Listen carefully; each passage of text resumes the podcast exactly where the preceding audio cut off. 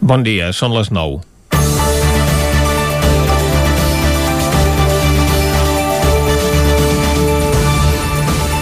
Com ja van comentar, en aquesta campanya electoral, la Junta Electoral ha obligat els mitjans públics a donar cobertura a Vox en els debats i espais d'informació al considerar-lo un grup rellevant.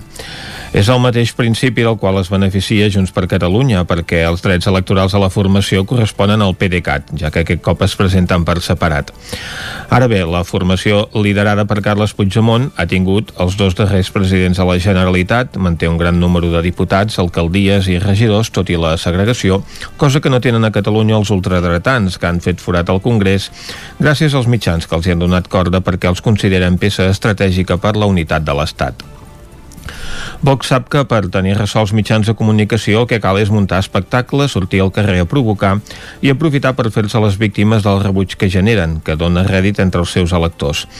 És la mateixa estratègia de Suflé que ha permès créixer Ciudadanos, tot i que ara es clavin una patacada monumental, a la que també s'hi ha apuntat el Partit Popular quan li ha convingut.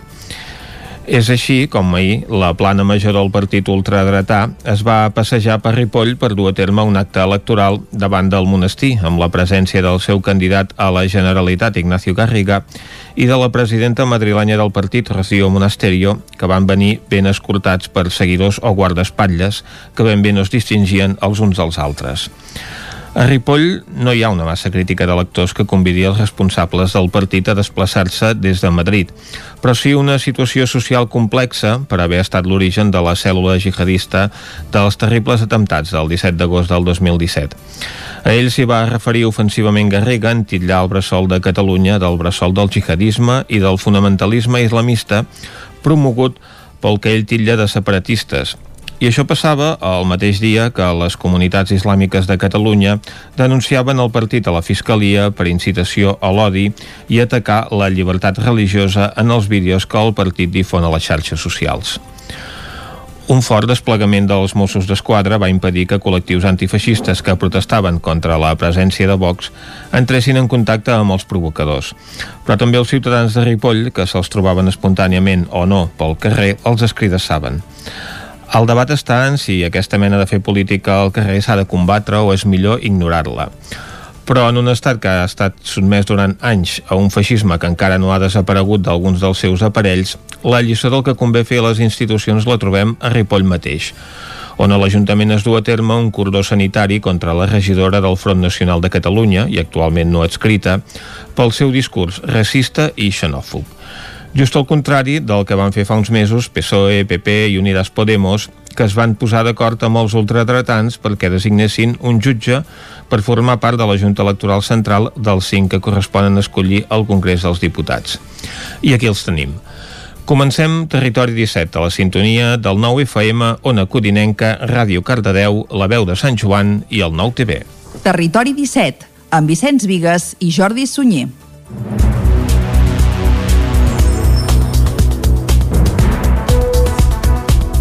Són les 9 i 3 minuts i mig del dimecres, dia 3 de febrer de 2021. Comença aquí un nou Territori 17 que avui, durant la primera hora, us acostarà tota l'actualitat de les nostres comarques. Després, a partir de les 10, la graella habitual. Avui, a l'entrevista, coneixerem les darreres novetats de l'elefanta d'Umba, de... que havia estat a Caldes de Montbui. Això ho sabrem a l'entrevista. També anirem al territori sostenible, avui per conèixer les bondats dels calçots de Vigues i Riells. Tindrem la secció secció de lletra Ferits, on parlarem de literatura, i acabarem fent un repàs a l'agenda cultural per aquest cap de setmana marcat novament pel confinament municipal, és a dir, només podrem gaudir presencialment de les activitats que es facin al municipi on residiu. Tot això ho farem des d'ara mateix i fins a les 12 del migdia i com sempre el fem ara és arrencar tot fent un repàs a l'actualitat de les nostres comarques, les comarques del Ripollès, Osona, el Moianès i el Vallès Oriental.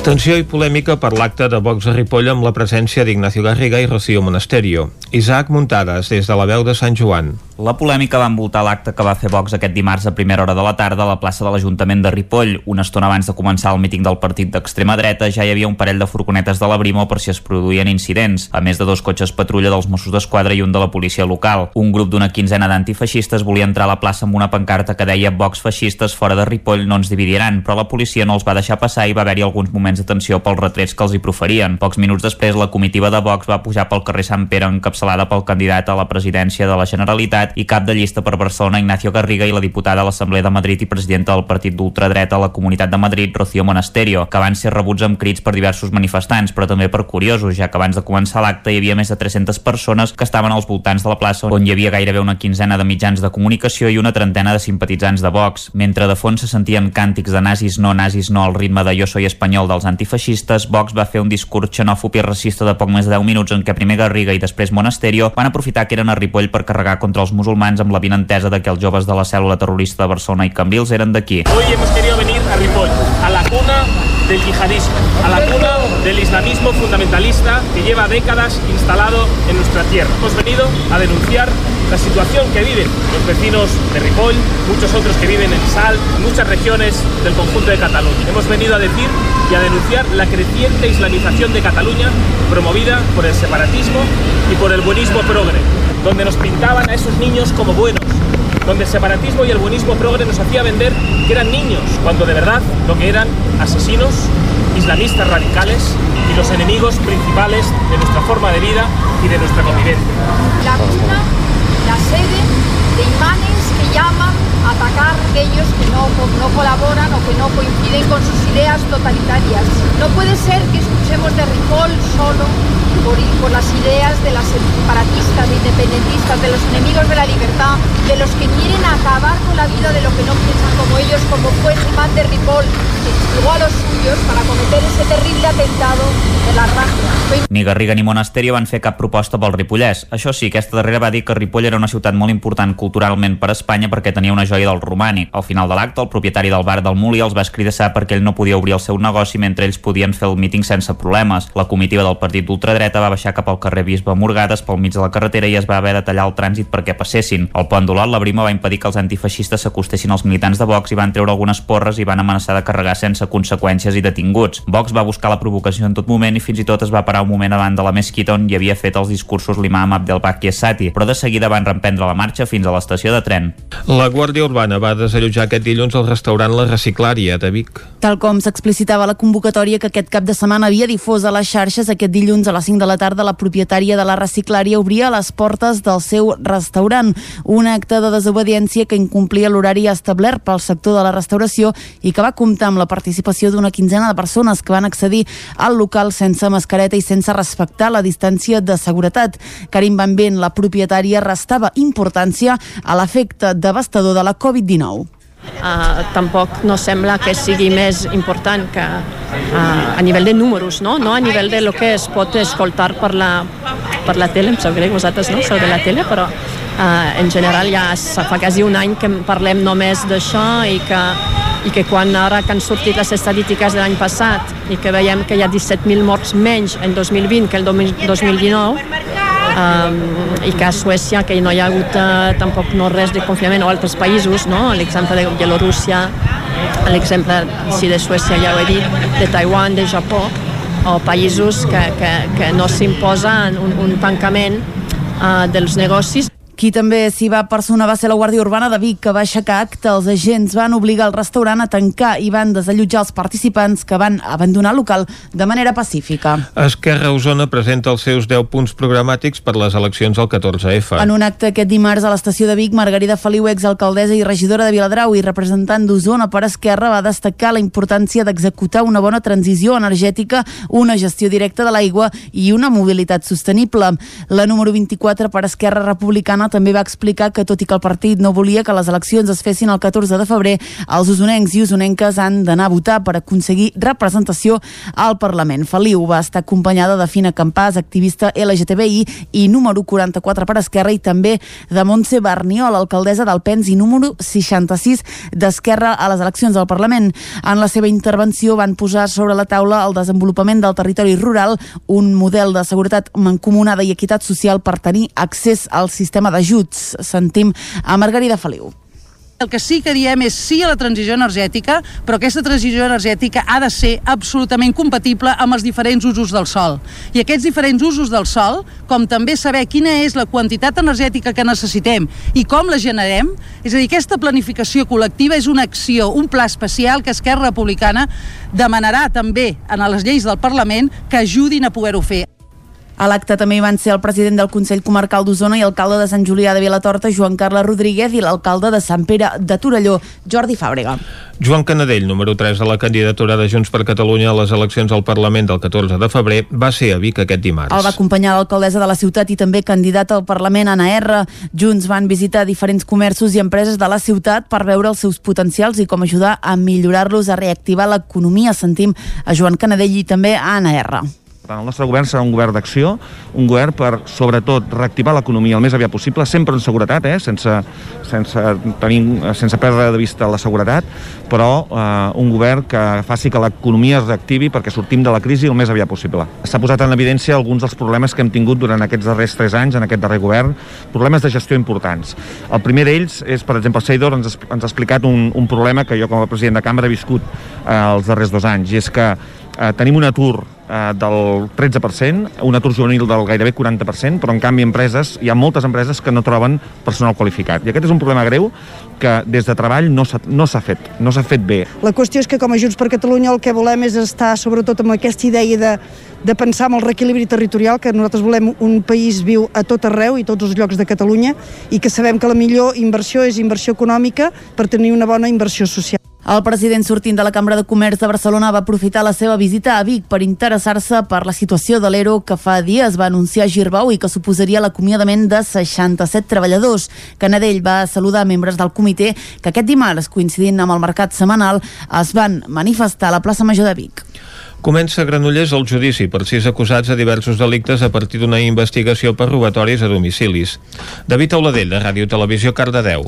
El jutjat d'instrucció número 1 de Granollers acull aquesta setmana el judici contra sis homes que se'ls acusa de tinença d'armes prohibides, un delicte contra la salut pública, accés il·legal a la corrent elèctrica i formar part d'un grup criminal.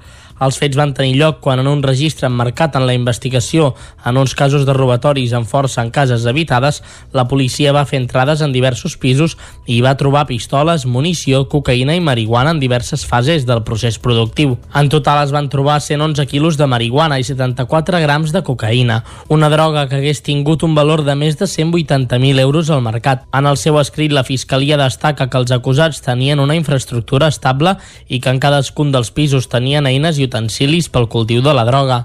Per tot plegat, el Ministeri Fiscal demana més de 8 anys de presó pels diversos delictes i una multa de més de 600.000 euros. L'Ajuntament de Vigues i Riells reclama al Departament de Salut de la Generalitat recuperar els serveis i els horaris habituals al centre de salut del municipi. Caral Campàs, des d'Ona Codinenca. Des del mes de març, el CAP de Vigues i Riells funciona amb horaris reduïts i el punt d'atenció continuada de referència del municipi és el cap de la Cruïlla de Lliçà d'Amunt. L'Ajuntament creu que és el moment de demanar que la situació es normalitzi i és per això que fa uns dies es va posar en contacte amb el Departament de Salut de la Generalitat per traslladar a la consellera Alba Vergés el seu malestar davant la situació que està patint el municipi amb la manca d'aquests serveis. El consistori reclama tornar als horaris habituals, però també reforçar la plantilla, un fet que ja necessitaven abans de l'esclat de la pandèmia. Sentim Joan Galeano, alcalde de Vigues i Riells. Bueno, els ciutadans de Vigues i Riells s'han adaptat a les circumstàncies, lògicament hi ha gent que protesta perquè és normal, perquè és que tots tenim dret a protestar quan hi ha un servei que va, que va a la baixa, però el que sí que és veritat és que les administracions en aquest cas han de respondre i des de l'Ajuntament de Vigues i Riells, tot i no tenint la competència, el que sí que farem serà fer aquesta reclamació o fer de portaveu d'aquesta queixa de veïnal de que en un moment donat els serveis eh, han de tornar a ser els que hi havien abans, com a mínim. A partir d'aquí, si cobrim les places que tenim destinades a Vigues i Riells, aquestes quatre i mitja, segurament tots hi sortirem guanyant. Perquè això sigui possible i es pugui tornar a l'horari habitual, l'Ajuntament demana una millor gestió i incrementar la plantilla amb les places que els corresponen. Retornarem una altra vegada a la situació inicial, que és obertura dels centres tot el dia i això ens ho permetrà si realment eh, tenim els personals que ens hi corresponen. Si no, sempre tindrem l'excusa de dir que no tenim personal per ajustar els horaris. Això no ho acceptarem i, de fet, és el que estem reclamant, de que a partir d'ara, a la Comunitat de la Vall del Tena, si tenim 23,5 places designades perquè són 37.000 persones, les volem totes cobertes i volem que aquest servei sigui donat a tota la nostra ciutadania. El Gabinet de Salut ja s'ha posat en contacte amb l'Ajuntament per mostrar el seu interès i per treballar de manera conjunta per trobar una solució. El que farem ara, arribats en aquest punt, és, com sempre, fer un cop d'ull a la situació meteorològica i per saber el temps que ens espera tant per avui com per les properes hores i dies, saludarem, com sempre, en Pep Acosta. Anem-hi. Casa Terradellos us ofereix el temps. Doncs vinga, ja som a la informació meteorològica i per tant el que toca és saludar en Pep Acosta. Pep, bon dia. Hola, molt bon dia. I molt bona Ahir hora. va ser la Candelera. La Candelera, eh, abans, eh, la gent treballava molt més al camp. Eh, tenia el camp el seu medi de vida. I es veu que els pagesos i, i la gent que treballava al camp deien que si la Candelera riu, és a dir, que fa bon temps, eh, El, el, el fred és molta viu. suavitat, eh? Mhm. l'hivern és viu. Correcte. I si la Candelera plorava, Plora és, a dir, és plovia, fora. no nevava, mm, no feia molt de sol, l'hivern era fora. I ahir, òbviament, la Candelera va riure, va fer un temps magnífic i, per tant, es veu que l'hivern durarà sis setmanes més. El cru hivern, cru, durarà sis setmanes més. De moment els mapes no es veu per enlloc, però bueno, hem de fer cas de la Candelera. I també ahir va ser el dia de la marmota, la marmota Phil, que jo crec que cada any és diferent, aquesta marmota, això sí que no ho sé. Cada any li diuen Phil, però em sembla que és una marmota diferent cada any. I la fan sortir del seu cau, on, on passa l'hivern, i si projecta la seva ombra, si veu la seva ombra, també es veu que l'hivern s'allarga sis setmanes més. I si no eh, la projecta, es veu que l'hivern ja s'ha acabat.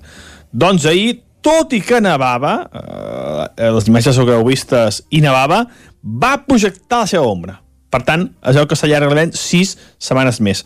Es veu que la marmota fil acerta el 37% de les vegades. Mm, Aviam, aviam aquest, aquest any si encerta o no i allarga sis setmanes més l'hivern a l'hemisferi nord. Eh? Recordem que això sempre val només per l'hemisferi nord, Bueno, que a vegades pensem nosaltres, sí, que sí. només vivim nosaltres, no? L'hemisferi sud ara és estiu Sí, i, clar. i, es fot, i, i, i es foten de calor. Nosaltres estem a l'hemisferi nord i encara estem a l'hivern. Ha quedat clar, eh, això? Sí, segons sí, la sí. Candelera i segons la Marmota Fil, eh, tenim sis mesos... Ai, perdó, sis setmanes més de cru hivern. Mm, sis mesos no, que ens teníem sis setmanes més de cru hivern, que bueno, ja veurem, ja veurem. Avui, avui segur que el cru hivern no començarà, no seguirà, perquè serà un dia molt semblant al d'ahir. Ja comencem amb unes temperatures molt altes. No han baixat de 9 graus a Vilarrau, una temperatura altíssima. De 6-7 a Núria, també molt alta. I a les Valls sí que ha baixat una mica més. 3 graus de mínima a Sant Pau de Segúries, 5 a Vic, i hi ha aquest contrast tèrmic, aquesta inversió tèrmica entre les valls i les zones altes. Eh? Les zones altes fa més, més calor, temperatures més altes, que no pas a les valls a les hores nocturnes. L'aire fred es diposita a les valls. Hem de dir una altra cosa. Uh, hi ha una primera boira molt tímida i anticicló i això fa que hi hagin boires. Molt, molt, molt petita, eh? encara no és gens espessa. De cara a la tarda les boires marxaran. El sol serà gran protagonista. Hi haurà algun núvol prim però molt poca cosa. No plourà lloc ni molt menys. I les temperatures seran gairebé igual que les d'ahir. Però eh, poder superarem els 20 graus a més zones. Més zones superarem els 20 graus, tot i que no pujaran més, eh? No crec que pugin més aquests 21 graus que ells van registrar a Parets del Vallès. Però sí que més zones, 18, 19, 20 graus, sovintejaran el prelitoral, en algun punt del Moianès, també algun punt d'Osona, unes temperatures almenys uns 5-6 graus, 5-6 graus més altes del que hauria de ser normal. Uh, sembla que hi ha una pertorbació que ahir va afectar l'oest de la península ibèrica, a Galícia va ploure molt tot el dia, més de 100 litres. Aquesta pertorbació s'està escolant, ara mateix, ara mateix s'està escolant cap al golf de Cádiz. Veurem la posició final, aviam si ens envia vents de llevant i la possibilitat de canvi al cap de setmana. Tot i que els mapes es contriuen molt, veurem, veurem què acaba passant.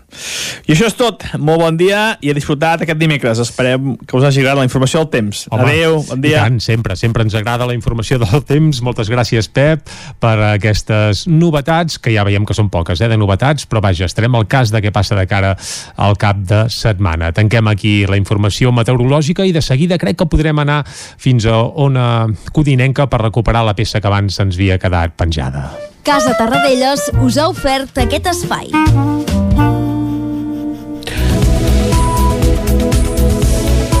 I ara sí que tanquem aquí el bloc informatiu que us hem ofert, com sempre, amb Vicenç Vigues, Clàudia Dinarès, David Auladell, Caral Campàs i Isaac Muntades. I com que la meteo ja hi hem anat, on anirem ara és cap al quiosc.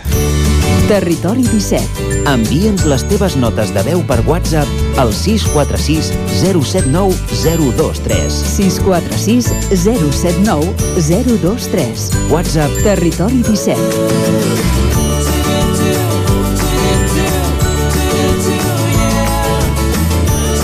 Territori 17. Som a Facebook, Twitter i Instagram amb l'usuari Territori 17.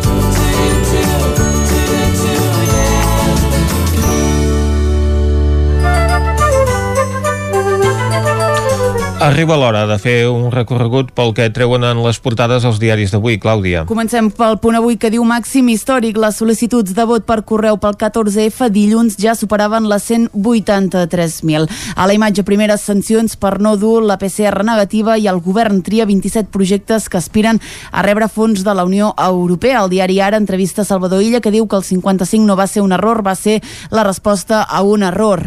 A la imatge comença la cursa pels fons europeus europeus. El periòdico retorna al diàleg després del 14F. Esquerra recorda reactivar la taula amb el govern mentre pugna amb el PSC a l'àrea de Barcelona. A la imatge diu seqüeles del virus. Un de cada tres pacients crítics ingressats de manera prolongada a l'UCI pateix deliris o síndrome de confusió aguda. I a l'avantguàrdia, la vacuna russa mostra una altra eficàcia i truca les portes de la Unió Europea. A la imatge, cues per votar per correu. Anem a veure què treuen en portada els diaris a Madrid. El país diu la llei trans planteja el canvi de sexe amb només declarar-ho. La decisió es podrà prendre des dels 16 anys sense que faci falta informe mèdic. Europa tanca la porta a la vacuna d'AstraZeneca a majors de 65 anys. Anem al Mundo que diu Sánchez dona suport a la moció d'Esquerra sobre l'amnistia als presos de l'1 d'octubre. Aquí també entrevisten a Illa que diu avui a Catalunya la coalició d'esquerres que governa a Espanya a la Razón Casado frena el motí de barons contra Ayuso per l'estirada a Catalunya i també veiem a Illa que diu avui una coalició de govern amb els comuns a Catalunya. Exactament les mateixes declaracions eh, que subratllàvem. Anem a l'ABC que diu ara també l'autodeterminació. El PSOE vota a favor d'una moció d'Esquerra que demana recuperar la taula de diàleg, l'amnistia pels presos de l'1 d'octubre i discutir el dret a decidir. A la part inferior de la portada, Escrivà proposa que les pensions no guanyin poder adquisitiu. Doncs avui hi ha un protagonista a les portades dels diaris i és Salvador Illa, el candidat socialista a la presidència de la Generalitat que ha estat entrevistat pel diari Ara en les seves informacions de campanya electoral i també per doncs, La Razón i també El Mundo. Els veiem, el veiem en portada en aquests dos diaris madrilenys. Doncs, és una fotografia feta al mateix lloc, a la seu del partit, una altra dels protagonistes del dia d'avui és Alexei Navalny, aquest líder opositor rus que apareix a les portades del diari Ara i El País després del seu eh, judici express que l'ha condemnat a 3 anys i mig de presó. El diari madrileny obre la seva portada, però, amb l'actualització de la llei transgènere, mentre que temàtiques polítiques també doncs, eh, tenen cabuda en les portades de diferents diaris, com aquest acord entre el govern i Esquerra Republicana per reactivar la taula de diàleg que no es reuneix des de fa un any. També veiem a la Razón doncs, una foto dels nous components del Consell de Ministres, del nou Consell de Ministres amb els eh, components, amb la incorporació en definitiva de Miquel Iceta en substitució de Salvador Illa per presentar-se, com us comentàvem, de candidat a la presidència de la Generalitat per part del Partit Socialista. El periòdico apareix en la imatge doncs, un home de 39 anys que ha estat 23 dies a la UCI a conseqüència de la Covid-19 i que doncs, aporta el seu testimoni de les seqüeles que li ha deixat el virus i una altra de les notícies també rellevants d'aquestes últimes hores és la llau de demandes de petició de vot per correu i la Vanguardia il·lustra la seva portada amb cues de gent a les oficines de correu per demanar el vot. Aquest també és el tema que obre la portada del punt avui si bé el eh, diari doncs, en català el que fa és posar de fotografia de portada una imatge de la frontera del Pertús amb aquests controls eh, policials que du a terme la gendarmeria francesa. Hem fet un repàs als temes que ocupen les portades dels diaris d'avui. És hora de posar punt i final a aquest bloc informatiu uh, un bloc amb això de les portades que també ens ha servit per conèixer que l'Sputnik, a part de ser un programa televisiu i un antic satèl·lit, també és el nom de la vacuna russa, eh? Ah, exacte. Uh, sí, sí. No ho sabia. Sputnik B baixa, li han posat un cognom, no sé si és 5è o B baixa, però bé, escolta, si ens ha de venir la russa, doncs que vingui la russa, no? Que diuen que també funciona. Correcte, exacte. Uh, per vacunes, en No el quedarem. fons, suposem que com més n'hi hagi, uh, millor, que d'això es tractaria. Bé, fet aquest apunt a la premsa, el que farem ara és una breu pausa aquí a Territori 17 i tornarem a dos quarts de 10 en punt per acostar-vos de nou tota l'actualitat de les nostres comarques. Fins ara.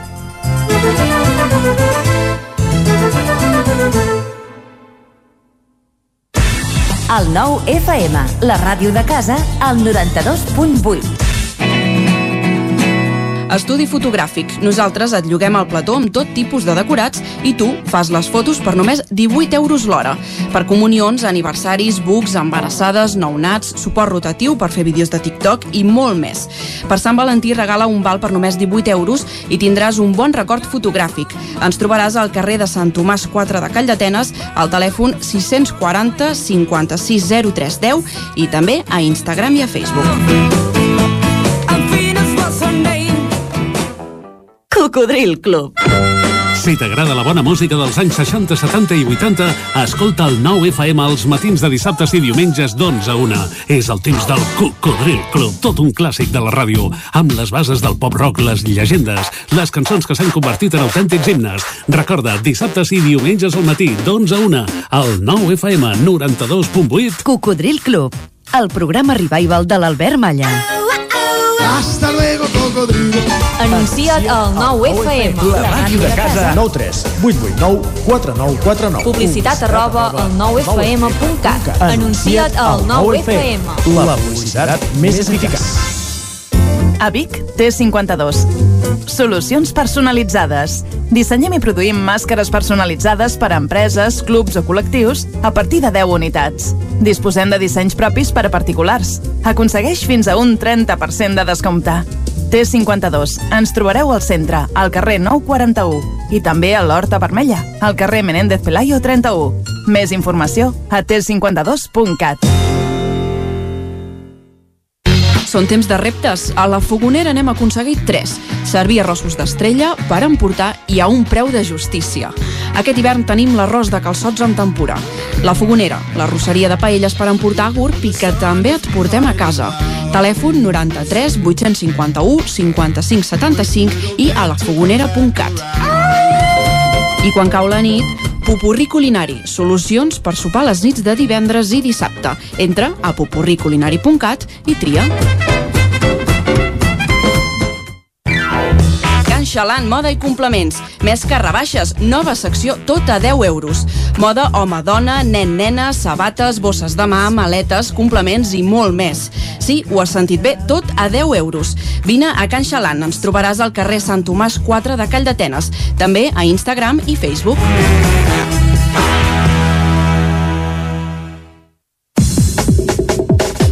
La ràdio de casa al 92.8. El 9 FM.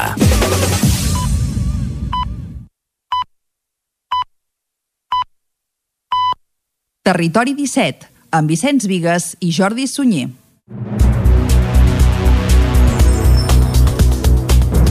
Són dos quarts de deu en punt d'avui dimecres, dia 3 de febrer de 2021. Seguim en directe aquí a Territori 17 i de seguida us acostarem tota l'actualitat de les nostres comarques amb les darreres novetats informatives. Després, a partir de les 10, un nou butlletí informatiu. A l'entrevista coneixerem les darreres novetats, Vicenç, de l'elefanta d'Umba. Te'n recordes de I tant, com l'elefanta d'Umba? de l'elefanta d'Umba, sí senyor. Uh, de Caldes de Montbui, sembla que ara és a França uh, veurem, vaja, veurem on, on acabarà espatagant, pobra elefanta que en el fons uh, del que es tractaria és de procurar pel seu benestar Uh -huh. i Però bé, com tots els artistes de circ van d'aquí cap allà.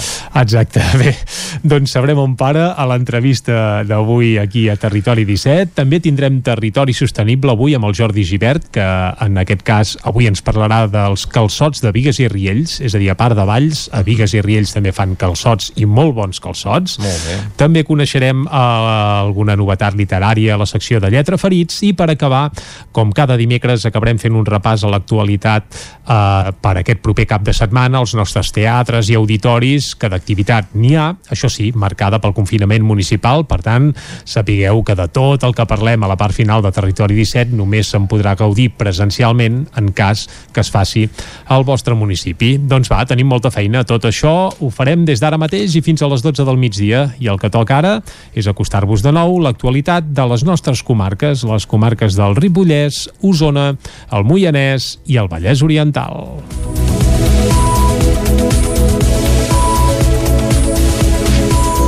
Tensió i polèmica per l'acte de Vox a Ripoll amb la presència d'Ignacio Garriga i Rocío Monasterio. Isaac Muntades, des de la veu de Sant Joan. La polèmica va envoltar l'acte que va fer Vox aquest dimarts a primera hora de la tarda a la plaça de l'Ajuntament de Ripoll. Una estona abans de començar el míting del partit d'extrema dreta ja hi havia un parell de furgonetes de la Brimo per si es produïen incidents, a més de dos cotxes patrulla dels Mossos d'Esquadra i un de la policia local. Un grup d'una quinzena d'antifeixistes volia entrar a la plaça amb una pancarta que deia Vox feixistes fora de Ripoll no ens dividiran, però la policia no els va deixar passar i va haver-hi alguns moments de tensió pels retrets que els hi proferien. Pocs minuts després, la comitiva de Vox va pujar pel carrer Sant Pere encapçalada pel candidat a la presidència de la Generalitat i cap de llista per Barcelona Ignacio Garriga i la diputada a l'Assemblea de Madrid i presidenta del partit d'ultradreta a la Comunitat de Madrid, Rocío Monasterio, que van ser rebuts amb crits per diversos manifestants, però també per curiosos, ja que abans de començar l'acte hi havia més de 300 persones que estaven als voltants de la plaça on hi havia gairebé una quinzena de mitjans de comunicació i una trentena de simpatitzants de Vox. Mentre de fons se sentien càntics de nazis no, nazis no al ritme de Jo soy espanyol dels antifeixistes, Vox va fer un discurs xenòfob i racista de poc més de 10 minuts en què primer Garriga i després Monasterio van aprofitar que eren a Ripoll per carregar contra els musulmans amb la vinentesa de que els joves de la cèl·lula terrorista de Barcelona i Cambrils eren d'aquí. Hoy hemos querido venir a Ripoll,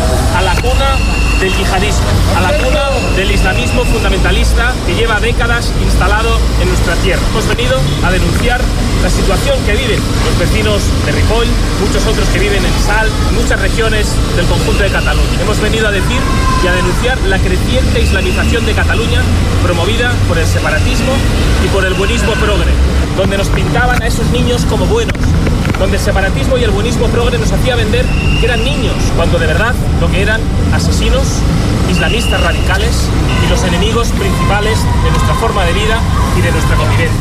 La cuna, la sede de imanes que llaman atacar aquellos que no, no colaboran o que no coinciden con sus ideas totalitarias. No puede ser que escuchemos de Ripoll solo por, por las ideas de las separatistas, de independentistas, de los enemigos de la libertad, de los que quieren acabar con la vida de lo que no piensan como ellos, como fue el imán de Ripoll, que llegó a los suyos para cometer ese terrible atentado de la raza. Ni Garriga ni Monasterio van fer cap proposta pel Ripollès. Això sí, aquesta darrera va dir que Ripoll era una ciutat molt important culturalment per Espanya perquè tenia una joia del romànic. Al final de l'acte, el propietari del bar del Muli els va escridassar perquè ell no podia obrir el seu negoci mentre ells podien fer el míting sense problemes. La comitiva del partit d'ultradreta va baixar cap al carrer Bisbe Morgades pel mig de la carretera i es va haver de tallar el trànsit perquè passessin. Al pont d'Olot, la Brima va impedir que els antifeixistes s'acostessin als militants de Vox hi van treure algunes porres i van amenaçar de carregar sense conseqüències i detinguts. Vox va buscar la provocació en tot moment i fins i tot es va parar un moment davant de la mesquita on hi havia fet els discursos l'imam Abdelbaki Essati, però de seguida van reemprendre la marxa fins a l'estació de tren. La Guàrdia Urbana va desallotjar aquest dilluns al restaurant La Reciclària de Vic. Tal com s'explicitava la convocatòria que aquest cap de setmana havia difós a les xarxes, aquest dilluns a les 5 de la tarda la propietària de la reciclària obria les portes del seu restaurant. Un acte de desobediència que incomplia l'horari establert pel sector de la restauració i que va comptar amb la participació d'una quinzena de persones que van accedir al local sense mascareta i sense respectar la distància de seguretat. Karim Van la propietària, restava importància a l'efecte devastador de la Covid-19. Uh, tampoc no sembla que sigui més important que uh, a nivell de números, no? no a nivell de lo que es pot escoltar per la, per la tele, em sap greu, vosaltres no sou de la tele, però uh, en general ja fa quasi un any que parlem només d'això i que i que quan ara que han sortit les estadístiques de l'any passat i que veiem que hi ha 17.000 morts menys en 2020 que el 2019 um, i que a Suècia que no hi ha hagut uh, tampoc no res de confinament o altres països, no? l'exemple de Bielorússia l'exemple sí, de Suècia ja ho he dit, de Taiwan, de Japó o països que, que, que no s'imposa un, un tancament uh, dels negocis qui també s'hi va personar va ser la Guàrdia Urbana de Vic, que va aixecar acte. Els agents van obligar el restaurant a tancar i van desallotjar els participants que van abandonar el local de manera pacífica. Esquerra Osona presenta els seus 10 punts programàtics per les eleccions al 14F. En un acte aquest dimarts a l'estació de Vic, Margarida Feliu, exalcaldessa i regidora de Viladrau i representant d'Osona per Esquerra, va destacar la importància d'executar una bona transició energètica, una gestió directa de l'aigua i una mobilitat sostenible.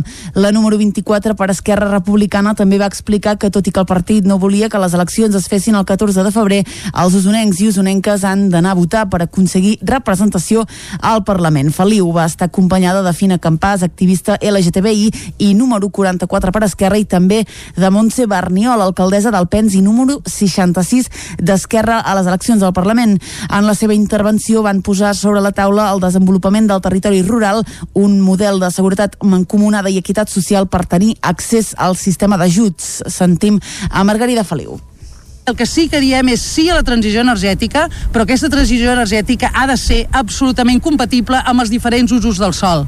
I aquests diferents usos del sol, com també saber quina és la quantitat energètica que necessitem i com la generem, és a dir, aquesta planificació col·lectiva és una acció, un pla especial que Esquerra Republicana demanarà també en les lleis del Parlament que ajudin a poder-ho fer. A l'acte també hi van ser el president del Consell Comarcal d'Osona i alcalde de Sant Julià de Vilatorta, Joan Carles Rodríguez, i l'alcalde de Sant Pere de Torelló, Jordi Fàbrega. Joan Canadell, número 3 de la candidatura de Junts per Catalunya a les eleccions al Parlament del 14 de febrer, va ser a Vic aquest dimarts. El va acompanyar l'alcaldessa de la ciutat i també candidata al Parlament, Anna R. Junts van visitar diferents comerços i empreses de la ciutat per veure els seus potencials i com ajudar a millorar-los a reactivar l'economia. Sentim a Joan Canadell i també a Anna R. Tant, el nostre govern serà un govern d'acció, un govern per, sobretot, reactivar l'economia el més aviat possible, sempre en seguretat, eh? sense, sense, tenir, sense perdre de vista la seguretat, però eh, un govern que faci que l'economia es reactivi perquè sortim de la crisi el més aviat possible. S'ha posat en evidència alguns dels problemes que hem tingut durant aquests darrers tres anys en aquest darrer govern, problemes de gestió importants. El primer d'ells és, per exemple, Seidor ens, ens ha explicat un, un problema que jo com a president de cambra he viscut eh, els darrers dos anys, i és que eh, tenim un atur eh, del 13%, un atur juvenil del gairebé 40%, però en canvi empreses, hi ha moltes empreses que no troben personal qualificat. I aquest és un problema greu que des de treball no s'ha no fet, no s'ha fet bé. La qüestió és que com a Junts per Catalunya el que volem és estar sobretot amb aquesta idea de, de pensar en el reequilibri territorial, que nosaltres volem un país viu a tot arreu i tots els llocs de Catalunya i que sabem que la millor inversió és inversió econòmica per tenir una bona inversió social. El president sortint de la Cambra de Comerç de Barcelona va aprofitar la seva visita a Vic per interessar-se per la situació de l'ERO que fa dies va anunciar Girbau i que suposaria l'acomiadament de 67 treballadors. Canadell va saludar membres del comitè que aquest dimarts, coincidint amb el mercat setmanal, es van manifestar a la plaça Major de Vic. Comença a Granollers el judici per sis acusats de diversos delictes a partir d'una investigació per robatoris a domicilis. David Auladell, de Ràdio Televisió, Cardedeu. El jutjat d'instrucció número 1 de Granollers acull aquesta setmana el judici contra sis homes que se'ls acusa de tinença d'armes prohibides, un delicte contra la salut pública, accés il·legal a la corrent elèctrica i formar part d'un grup criminal. Els fets van tenir lloc quan en un registre emmarcat en la investigació en uns casos de robatoris amb força en cases habitades, la policia va fer entrades en diversos pisos i va trobar pistoles, munició, cocaïna i marihuana en diverses fases del procés productiu. En total es van trobar 111 quilos de marihuana i 74 grams de cocaïna, una droga que hagués tingut un valor de més de 180.000 euros al mercat. En el seu escrit, la Fiscalia destaca que els acusats tenien una infraestructura estable i que en cadascun dels pisos tenien eines i utensilis pel cultiu de la droga. Per tot plegat, el Ministeri Fiscal demana més de 8 anys de presó pels diversos delictes i una multa de més de 600.000 euros. L'Ajuntament de Vigues i Riells reclama al Departament de Salut de la Generalitat recuperar els serveis i els horaris habituals al centre de salut del municipi. Caral Campàs, des d'Ona Codinenca. Des del mes de març, el CAP de Vigues i Riells funciona amb horaris reduïts i el punt d'atenció continuada de referència del municipi és el cap de la Cruïlla de Lliçà d'Amunt. L'Ajuntament creu que és el moment de demanar que la situació es normalitzi i és per això que fa uns dies es va posar en contacte amb el Departament de Salut de la Generalitat per traslladar a la consellera Alba Vergés el seu malestar davant la situació que està patint el municipi amb la manca d'aquests serveis. El consistori reclama tornar als horaris habituals, però també reforçar la plantilla, un fet que ja necessitaven abans de l'esclat de la pandèmia. Sentim Joan Galeano, alcalde de Vigues i Riells. Bueno, els ciutadans de Vigues i Riells s'han adaptat a les circumstàncies, lògicament hi ha gent que protesta perquè és normal, perquè és que tots tenim dret a protestar quan hi ha un servei que va, que va a la baixa, però el que sí que és veritat és que les administracions en aquest cas han de respondre i des de l'Ajuntament de Vigues i Riells, tot i no tenint la competència, el que sí que farem serà fer aquesta reclamació o fer de portaveu d'aquesta queixa de veïnal de que en un moment donat els serveis eh, han de tornar a ser els que hi havien abans, com a mínim. A partir d'aquí, si cobrim les places que tenim destinades a Vigues i Riells, aquestes quatre i mitja, segurament tots hi sortirem guanyant. Perquè això sigui possible i es pugui tornar a l'horari habitual, l'Ajuntament demana una millor gestió i incrementar la plantilla amb les places que els corresponen. Retornarem una altra vegada a la situació inicial, que és obertura dels centres tot el dia, i això ens ho permetrà si realment eh, tenim els personals que ens hi corresponen. Si no, sempre tindrem l'excusa de dir que no tenim personal per ajustar els horaris. Això no ho acceptarem i, de fet, és el que estem reclamant, de que a partir d'ara, a la Comunitat de la Vall del Tena, si tenim 23,5 places designades perquè són 37.000 persones, les volem totes cobertes i volem que aquest servei sigui donat a tota la nostra ciutadania. El Gabinet de Salut ja s'ha posat en contacte amb l'Ajuntament per mostrar el seu interès i per treballar de manera conjunta per trobar una solució. El que farem ara, arribats en aquest punt, és, com sempre, fer un cop d'ull a la situació meteorològica i per saber el temps que ens espera tant per avui com per les properes hores i dies, saludarem, com sempre, en Pep Acosta. Anem-hi. Casa Terradellos us ofereix el temps. Doncs vinga, ja som a la informació meteorològica i per tant el que toca és saludar en Pep Acosta. Pep, bon dia. Hola, molt bon dia. I molt bona Ahir hora. va ser la Candelera. La Candelera, eh, abans, eh, la gent treballava un més al camp. Eh, tenia el camp el seu medi de vida. I es veu que els pagesos i, i la gent que treballava al camp deien que si la Candelera riu, és a dir, que fa bon temps, eh, El, el fred és molta viu. suavitat, eh? Mhm. l'hivern és viu. Correcte. I si la Candelera plorava, Plora és, a dir, és plovia, fora. no nevava, mm, no feia molt de sol, l'hivern era fora. I ahir, òbviament, la Candelera va riure, va fer un temps magnífic i, per tant, es veu que l'hivern durarà sis setmanes més. El cru hivern, cru, durarà sis setmanes més. Mm, De moment els mapes no es veu per enlloc, però bueno, hem de fer cas de la Candelera. I també ahir va ser el dia de la marmota, la marmota Phil, que jo crec que cada any és diferent, aquesta marmota, això sí que no ho sé. Cada any li diuen Phil, però em sembla que és una marmota diferent cada any. I la fan sortir del seu cau, on, on passa l'hivern, i si projecta la seva ombra, si veu la seva ombra, també es veu que l'hivern s'allarga sis setmanes més. I si no eh, la projecta, es veu que l'hivern ja s'ha acabat. Doncs ahir, tot i que nevava, eh, les imatges que heu vistes i nevava, va projectar la seva ombra. Per tant, es veu que s'allarga l'hivern sis setmanes més. Es veu que la marmota fil acerta el 37% de les vegades. Mm, Aviam, aviam aquest, aquest any si encert o no i allarga sis setmanes més l'hivern a l'hemisferi nord. Eh? Recordem que això sempre val només per l'hemisferi nord, Bueno, que a vegades on pensem nosaltres, sí, que sí. només vivim nosaltres. No, l'hemisferi sud ara és estiu Sí, i, clar. i, es fot, i, i, i es foten de calor. Nosaltres estem a l'hemisferi nord i encara estem a l'hivern. Ha quedat clar, eh, això? Sí, Segons sí, la sí. Candelera i segons el Vermotafil, eh, tenim sis mesos... Ai, perdó, sis setmanes més de cru hivern. Mm, sis mesos no, que ens teníem sis setmanes més de cru hivern, que bueno, ja veurem, ja veurem. Avui, avui segur que el, hivern no començarà, no seguirà, perquè serà un dia molt semblant al d'ahir. Ja comencem amb unes temperatures molt altes. No han baixat de 9 graus a Vilarrau, una temperatura altíssima. De 6-7 a Núria, també molt alta. I a les Valls sí que ha baixat una mica més. 3 graus de mínima a Sant Pau de Segúries, 5 a Vic, i aquest contrast tèrmic, aquesta inversió tèrmica entre les valls i les zones altes. Eh? Les zones altes fa més, més calor, temperatures més altes, que no pas a les valls a les hores nocturnes. L'aire fred es diposita a les valls. Hem de dir una altra cosa. Uh, hi ha una primera boira molt tímida i anticicló i això fa que hi hagin boires. Molt, molt, molt petita, eh? encara no és gens espessa. De cara a la tarda les boires marxaran. El sol serà gran protagonista. Hi haurà algun núvol prim però molt poca cosa. No plourà en lloc ni molt menys. I les temperatures seran gairebé igual que les d'ahir. Però eh, poder superarem els 20 graus a més zones. Més zones superarem els 20 graus, tot i que no pujaran més, eh? No crec que pugin més aquests 21 graus que ells van registrar a Parets del Vallès. Però sí que més zones, 18, 19, 20 graus, sovintejaran el prelitoral, en algun punt del Moianès, també algun punt d'Osona, unes temperatures almenys uns 5-6 graus, 5-6 graus més altes del que hauria de ser normal. Uh, sembla que hi ha una pertorbació que ahir va afectar l'oest de la península ibèrica, a Galícia va ploure molt tot el dia, més de 100 litres. Aquesta pertorbació s'està escolant, ara mateix, ara mateix s'està escolant cap al golf de Cádiz. Veurem la posició final, aviam si ens envia vents de llevant i la possibilitat de canvi al cap de setmana. Tot i que els mapes es contriuen molt, veurem, veurem què acaba passant.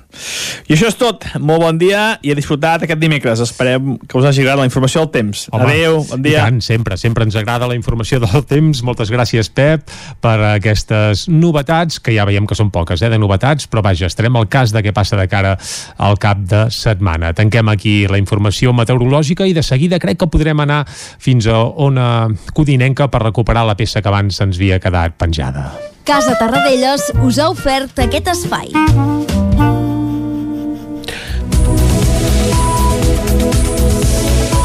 I ara sí que tanquem aquí el bloc informatiu que us hem ofert, com sempre, amb Vicenç Vigues, Clàudia Dinarès, David Auladell, Caral Campàs i Isaac Muntades. I com que la meteo ja hi hem anat, on anirem ara és cap al quiosc.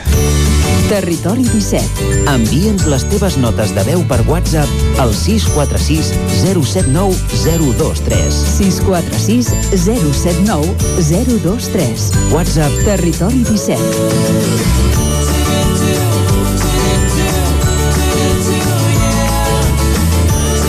Territori 17.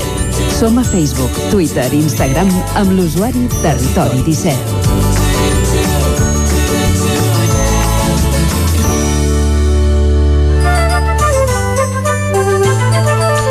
Arriba l'hora de fer un recorregut pel que treuen en les portades els diaris d'avui, Clàudia. Comencem pel punt avui que diu màxim històric. Les sol·licituds de vot per correu pel 14F dilluns ja superaven les 183.000. A la imatge, primeres sancions per no dur la PCR negativa i el govern tria 27 projectes que aspiren a rebre fons de la Unió Europea. El diari Ara entrevista Salvador Illa que diu que el 55 no va ser un error, va ser la resposta a un error. A la imatge comença la cursa pels fons europeus. El periòdico retorna al diàleg després del 14F. Esquerra recorda reactivar la taula amb el govern mentre pugna amb el PSC a l'àrea de Barcelona.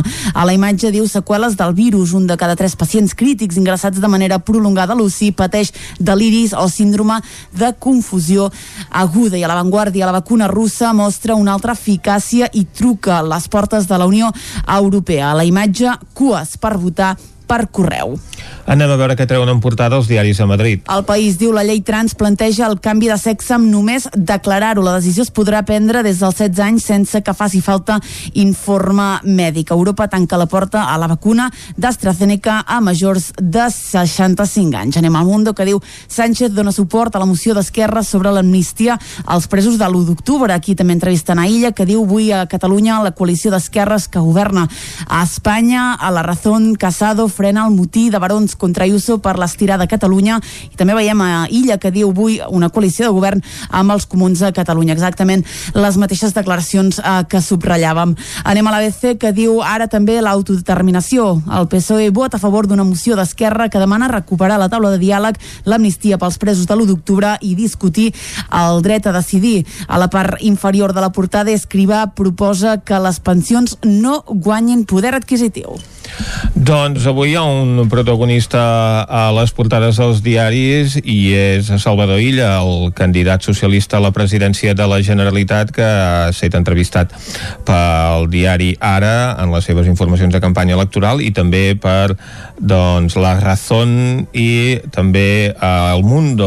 Els veiem, el veiem en portada en aquests dos diaris madrilenys doncs, és una fotografia feta al mateix lloc, a la seu del partit, un altre dels protagonistes del dia d'avui és Alexei Navalny, aquest líder opositor rus que apareix a les portades del diari Ara i El País després del seu eh, judici express que l'ha condemnat a 3 anys i mig de presó. El diari madrileny obre la seva portada, però, amb l'actualització de la llei transgènere, mentre que temàtiques polítiques també doncs, eh, tenen cabuda en les portades de diferents diaris, com aquest acord entre el govern i Esquerra Republicana per reactivar la taula de diàleg que no es reuneix des de fa un any. També veiem a la Razón doncs, una foto dels nous components del Consell de Ministres, el nou Consell de Ministres amb els eh, components, amb la incorporació en definitiva de Miquel Iceta en substitució de Salvador Illa per presentar-se, com us comentàvem, de candidat a la presidència de la Generalitat per part del Partit Socialista. El periòdico apareix en la imatge doncs, un home de 39 anys que ha estat 23 dies a la UCI a conseqüència de la Covid-19 i que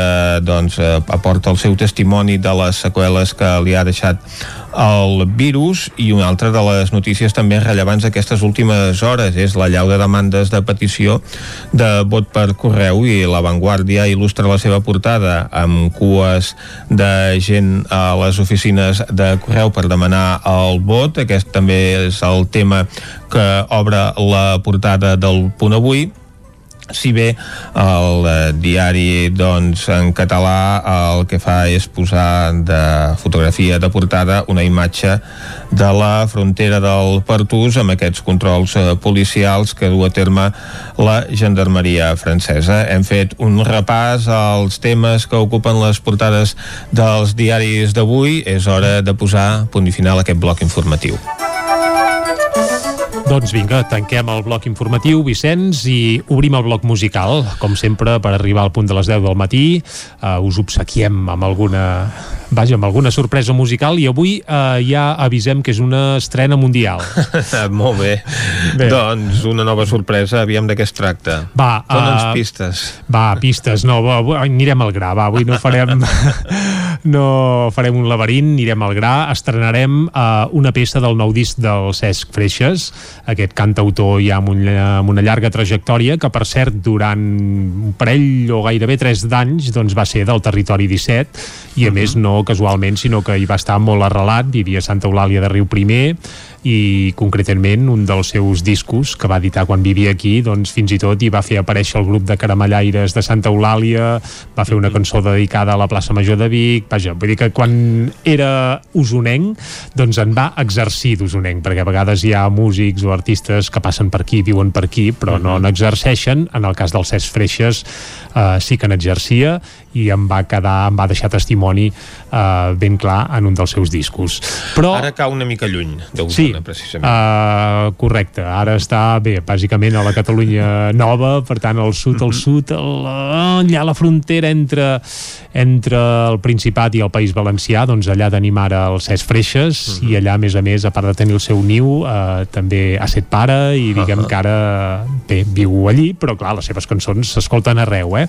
I cal dir que el Cesc Freixes va començar la seva trajectòria ara fa 17 anys ja que, que va arrencar, que va començar cantant solitari i amb aquests 17 anys ja ha editat ja 8 discos i 3 llibres de poesia també, per cert. Uh -huh. I el que vindrà ara, el dia 2 de març, serà el seu novè disc en solitari. Aquest novè disc es titularà Memòria. Ell diu que és el més bo que ha fet mai. Això s'acostuma a dir, eh? Tothom... Sí. Això no és cap sorpresa. El darrer disc, el darrer disc sempre acostuma a ser el millor, però es veu que en el seu cas ell hi posa un especial èmfasi, eh? I eh, la peça que escoltarem avui és un avançament d'aquest d'aquest nou disc uh, i concretament és d'una cançó que es diu Quan no abrigui aquest món.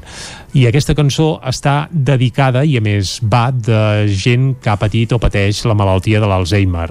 Es veu que el Cesc també li toca de prop i ha dedicat una cançó a parlar doncs això, de la malaltia de l'Alzheimer i de tot el bé, una malaltia que pateix no només l'afectat, que sovint malauradament potser no n'és ni conscient, sinó mm. sobretot el seu entorn i la seva família. Doncs d'una cosa en teoria tan bé, dura i, i complicada, doncs el Cesc n'ha fet una cançó preciosa que és la cançó que escoltarem ara aquí a Territori 17 i recordem això, que el proper dia 2 de març, això ho tenim ja a la cantonada perquè el temps uh -huh. passa molt de pressa doncs sortirà, ah, exacte, doncs sortirà aquest nou disc del Cesc Freixes el seu novè disc ja de la seva carrera, un disc que es, que es titularà Memòria i que, res, que és molt aconsellable. Per tant, des d'aquí us convidem a fitxar-lo i a parar-hi bé l'orella perquè pinta bé el nou disc del fuster de cançons. Ell mateix s'autodenomina així perquè es veu que a casa seva eren fusters. Ell no va seguir la tradició familiar, però hi ha set o vuit generacions de, de freixes Carai. Que eren fusters a Sant Pere de Riu de Bitlles. Bé, fet tot aquest, uh, fet tot aquest, uh, aquest revolts, ara sí que us, pues, bueno, això, us punxem uh, quan no abrigui aquest món, una de les peces del nou disc dels Cesc Freixes. Amb això arribem fins a les 10 aquí a Territori 17. Fins ara.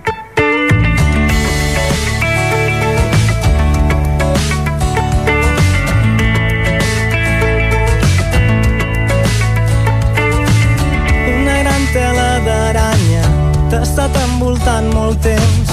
T'ha robat les abraçades, se t'ha endut lluny com el vent.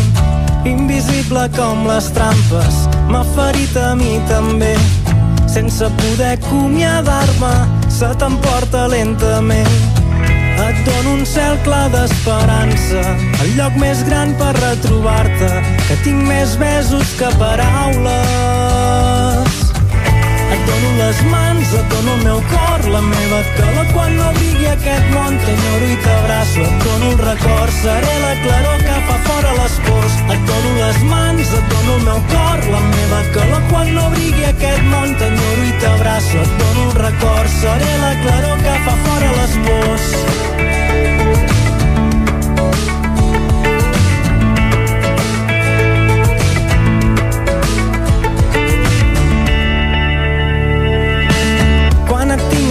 Costat, em pregunto si tu em sents. Tens l'hivern al teu esguard, d'horitzons subtils desfets. Puc convidar-te a ballar, pots escapar del no-res. Potser t'ho puc dir cantant, pots sentir la meva veu.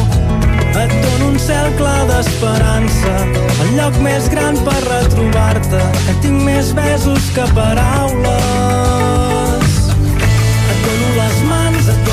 Cor, la meva calor quan no brigui aquest món, t'enyoro i t'abraço, et dono el record, seré la claror que fa fora les pors. Et dono les mans, et dono el meu cor, la meva calor quan no brigui aquest món, t'enyoro i t'abraço, et dono el record, seré la claror que fa fora les pors. Et dono les mans, et dono el meu cor, la meva calor quan no brigui aquest món, t'enyoro i t'abraço, et dono el record, seré la claror que fa fora. Les mans, et dono el meu cor, la meva calor quan no brigui aquest món, t'enyoro i t'abraço, et dono un record, seré la claror que fa fora les pors.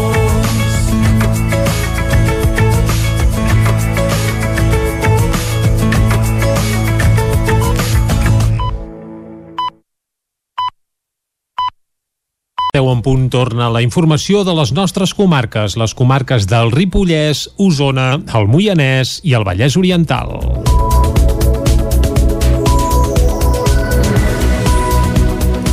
Les acusacions asseguren que Drisu Kabir era el número 2 de l'imam a la cèl·lula terrorista enmig d'una jornada amb entrebancs que endarrerirà l'informe de les defenses. Isaac Muntades, des de la veu de Sant Joan. Un nou contratemps va afectar el judici pels atemptats del 17 d'agost de Barcelona i Cambrils de l'any 2017 i és que després que l'advocada de Mohamed Huli s'hagués de confinar per contraure el coronavirus, aquest cop va ser l'advocat de Drisu Kabir que es va haver de quedar a casa per baixa mèdica a conseqüència de la grip. Tot i això, la sessió ha de continuar avui dimecres i les defenses ja faran els seus informes quan sigui possible. El jutge i president del tribunal, Fèlix Alonso Guevara, també va rebre les crítiques de l'advocat Jaume Alonso Cuevillas pel fet que no s'hagués facilitat un calendari de les sessions, sobretot aquestes darreres setmanes, i va recordar-li que molts dels advocats es desplacen de Catalunya i, per tant, per anar en previsió han d'agafar l'hotel i fer el viatge amb una certa antelació. Guevara va demanar disculpes i va excusar les modificacions arran del temporal Filomena i la nevada que va haver-hi a Madrid. El jutge va assegurar que hi havia una funcionària que havia d'avisar tots els lletrats per correu perquè ni el mateix Guevara es podia desplaçar a l'audiència des de casa seva perquè el carrer estava tallat. Pel que fa al judici, el més rellevant va ser la intervenció d'Agustí Carles, l'advocat dels pares del nen de 3 anys que va perdre la vida a les Rambles. Carles va apuntar que se'ls havia d'acusar d'assassinat i va situar a Drisu Kabir com un membre important de la cèl·lula, de fet com la mà dreta de l'imam Abdelbaki Essati, perquè era ell qui anava al Marroc cada cop que Essati li demanava i a més utilitzava telèfons marroquins per a les comunicacions privades. A més, va recordar que Driss es va fer enrere de la comissió dels atemptats, però no va impedir que es duguessin a terme. y le dicen, bueno, esto ya tira para adelante y por tanto tendremos mañana, ya nos vamos para Alcaná y la idea es que nos muramos todos, ¿eh? Y es cuando Driss creo que ahí es donde coge y dice, ¿cómo que nos muramos todos? No, no, nosotros somos yihadistas y bueno, y la unicidad, Alá y bueno, el yihadismo es, hay que morir matando. Y Yo creo que ahí es donde viene esa discusión famosa calorada del bar de Tona, en que cuando están regresando, o entiendo yo que llegan a Ripoll y después se van al bar de Tona, se ponen a discutir y dicen, oye, pero a ver, si os vais a morir todos, está mi nombre. Y claro, a mí me van a buscar y me lo voy a comer todo. Esto hay que cambiarlo, esto no puede ser. Y ahí viene la discusión, por eso tan acalorada, como dijo el testigo protegido. Oiga, que, que, que no, que cambiarlo de nombre. Pero dijo cambiarlo de nombre, no dijo, no, no, como ha dicho mi compañero, tráeme las llaves y esto lo paro aquí. No, no, dice, no, si queréis poner las bombas, si queréis hacerlo, hacerlo, pero oye, cambiarle de nombre porque si no, yo no me quiero morir, el famoso yo no estoy preparado. Guevara també va haver de cridar l'atenció a Ukabir, ja que no parava de fer gestos i parlar durant la intervenció de l'advocat. Carles va apuntar que Juli no va col·laborar amb els Mossos d'Esquadra perquè no va donar els noms dels seus companys i tot i assegurar que l'havien drogat, les anàlisis no demostraven aquest fet. D'altra banda, l'advocat Cuevillas va assenyalar que la investigació era deficitària i calia obrir-ne una altra, més d'insistir en el fet que no se sabia si l'imam era viu o si hi havia més persones implicades. Ingressa a presó un conductor sense carnet per portar 36 quilos de marihuana i fugir dels Mossos d'Esquadra a Mollet del Vallès. David Oladell, de Ràdio Televisió, Cardedeu. Els Mossos d'Esquadra van detenir aquest passat diumenge a Mollet del Vallès un home de 39 anys i veí de Sevilla, com a presumpte autor d'un delicte de conducció temerària i contra la salut pública. A més, circulava sense permís per pèrdua de vigència per punts. Els fets van tenir lloc el 31 de gener pels vols de les 6 de la tarda, quan els agents de trànsit es disposaven a aturar un vehicle que anava per l'autopista P7 a l'altura del quilòmetre 141 sentit Girona. El conductor circulava pel tercer carril de la via i anava parlant pel mòbil. Just a la sortida, l'home va accelerar el seu vehicle quan feia la maniobra d'aturar-se i va avançar a gran velocitat a la patrulla de trànsit, en direcció Mollet. El conductor va circular a contradirecció per diferents carrers fins a l'altura del carrer Gallecs, on va ser investit per un vehicle i va fugir. Els Mossos el van aturar a uns 300 metres de l'accident. L'home portava a l'interior del seu vehicle 36 quilos de marihuana i no disposava de permís de conduir. La policia catalana el va detenir com a presumpte autor d'un delicte contra la seguretat de trànsit per conduir de manera temerària, sense permís, i per un delicte contra la salut pública. El jutjat de Mollet va decretar el seu ingrés a presó.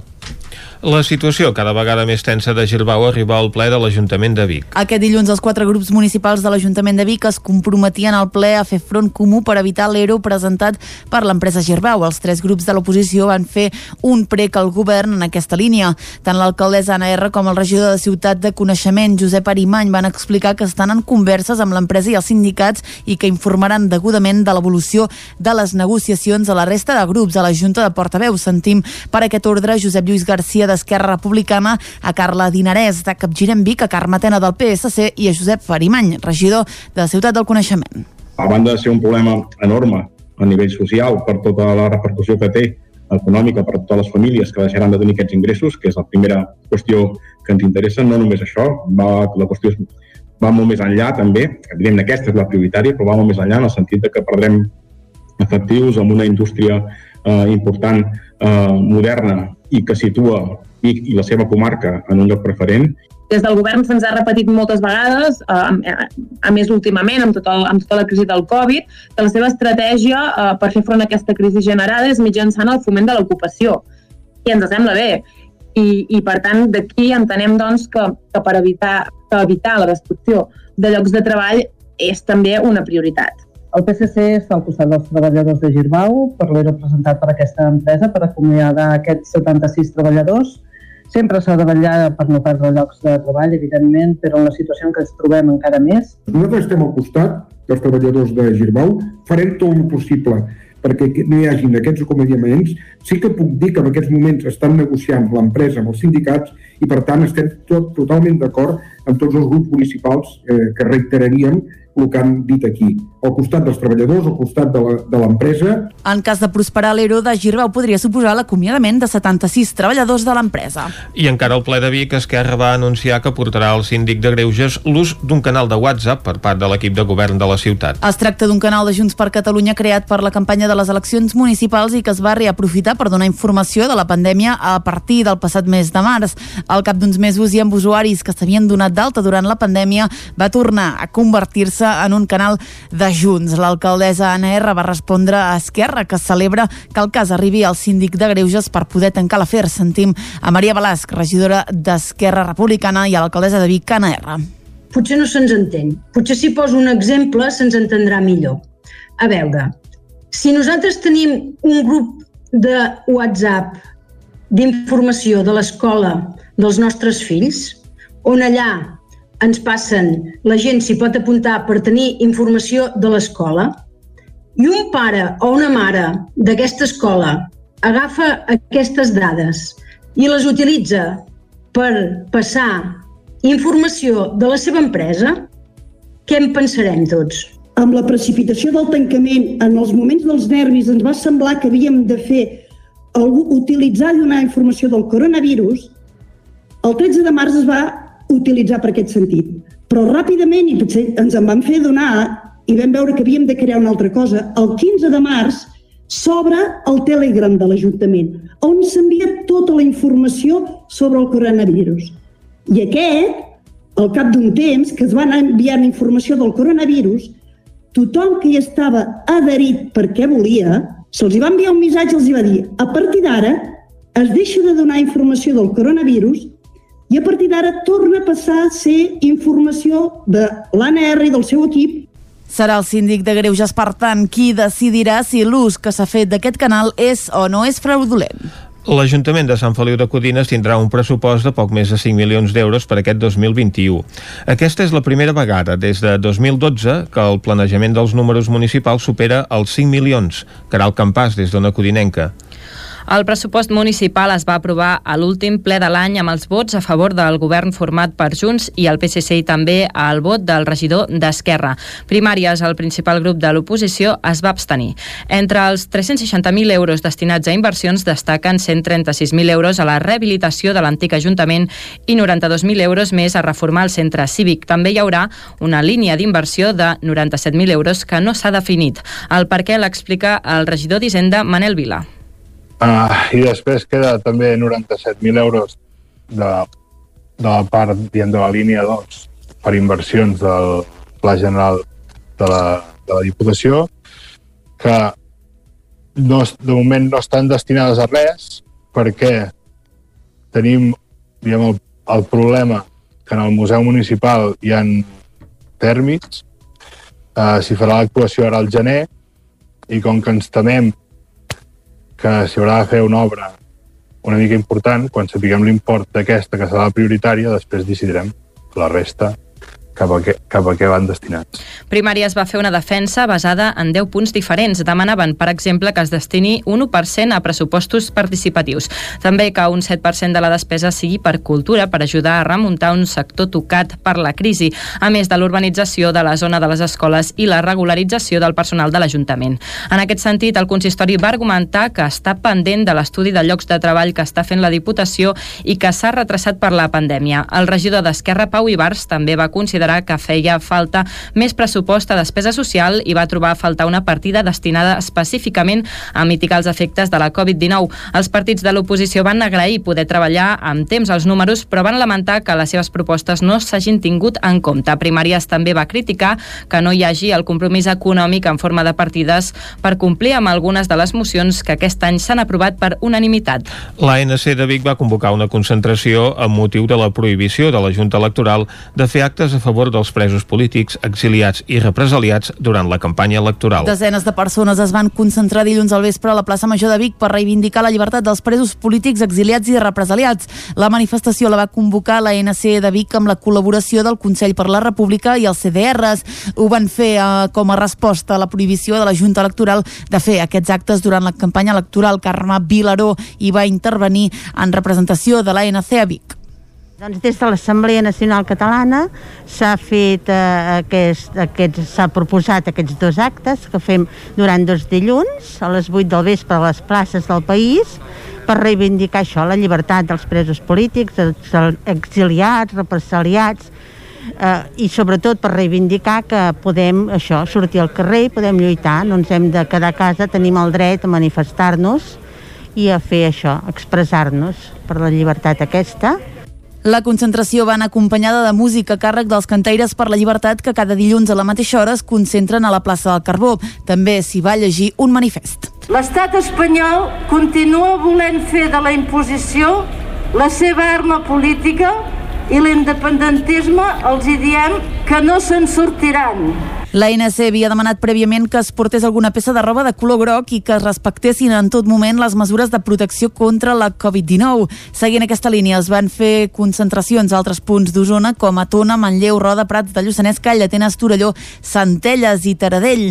L'acte es complementarà amb una altra manifestació el pròxim dilluns, dia 8 de febrer.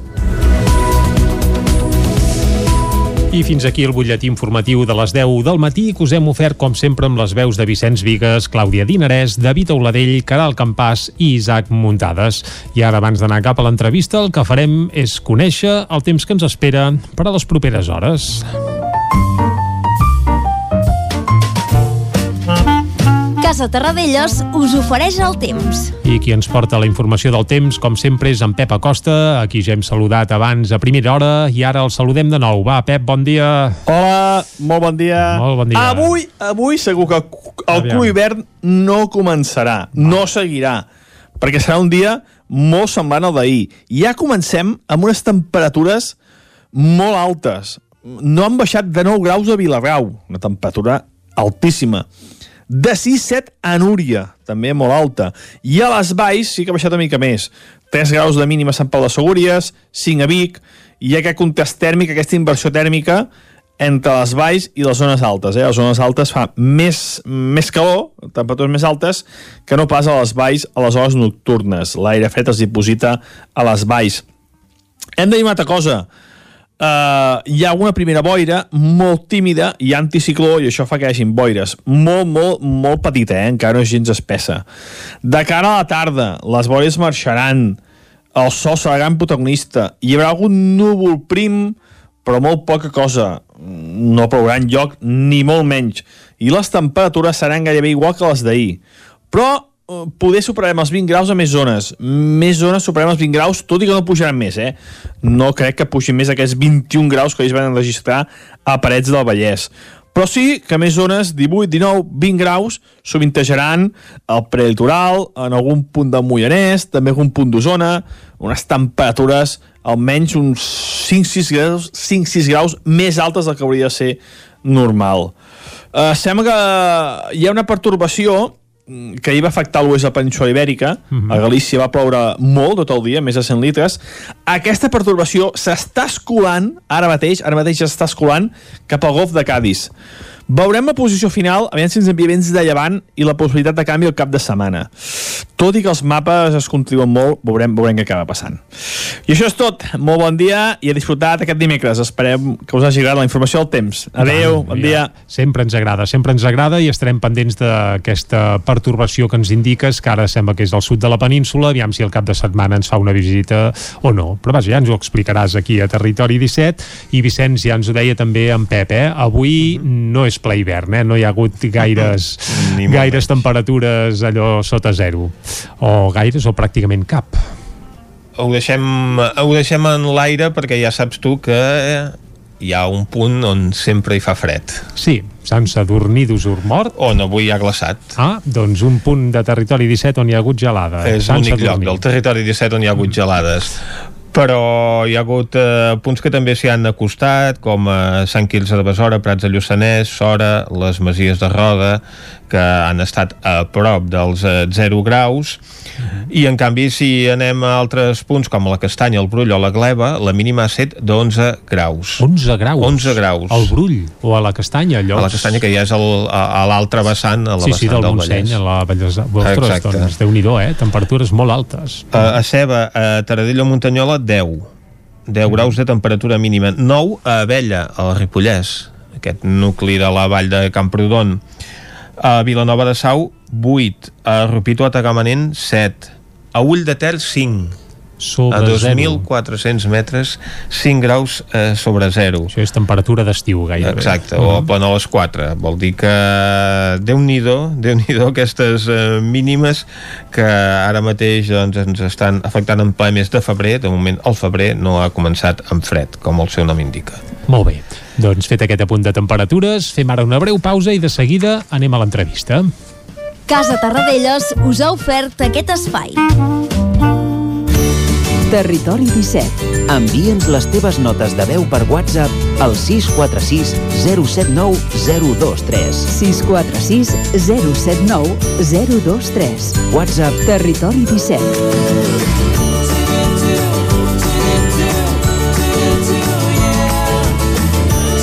Territori 17. Som a Facebook, Twitter i Instagram amb l'usuari Territori 17.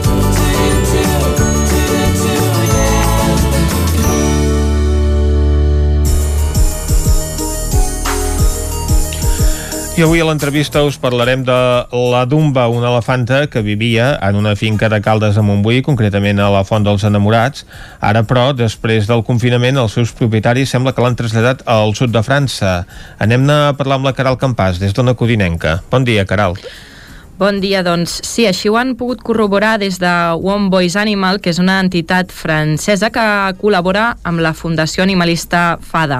I és precisament des d'aquesta última entitat que fa uns 10 anys que, que fan el seguiment d'aquest paquiderm. Uh -huh. Per parlar una mica de la situació tenim al telèfon Anna Estaran, advocada que porta el cas de la Dumba. Bon dia, Anna. Hola, bon dia.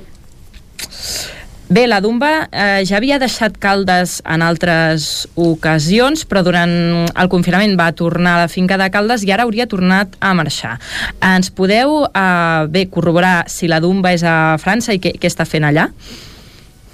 Eh, bueno, el, el que tenim de coneixement de l'entitat de- d'allà de, França, que és One Voice, que és la que està fent el seguiment, és que havia, avui encara està allà a, a Eusel, a Gas, que és França, un poble de França.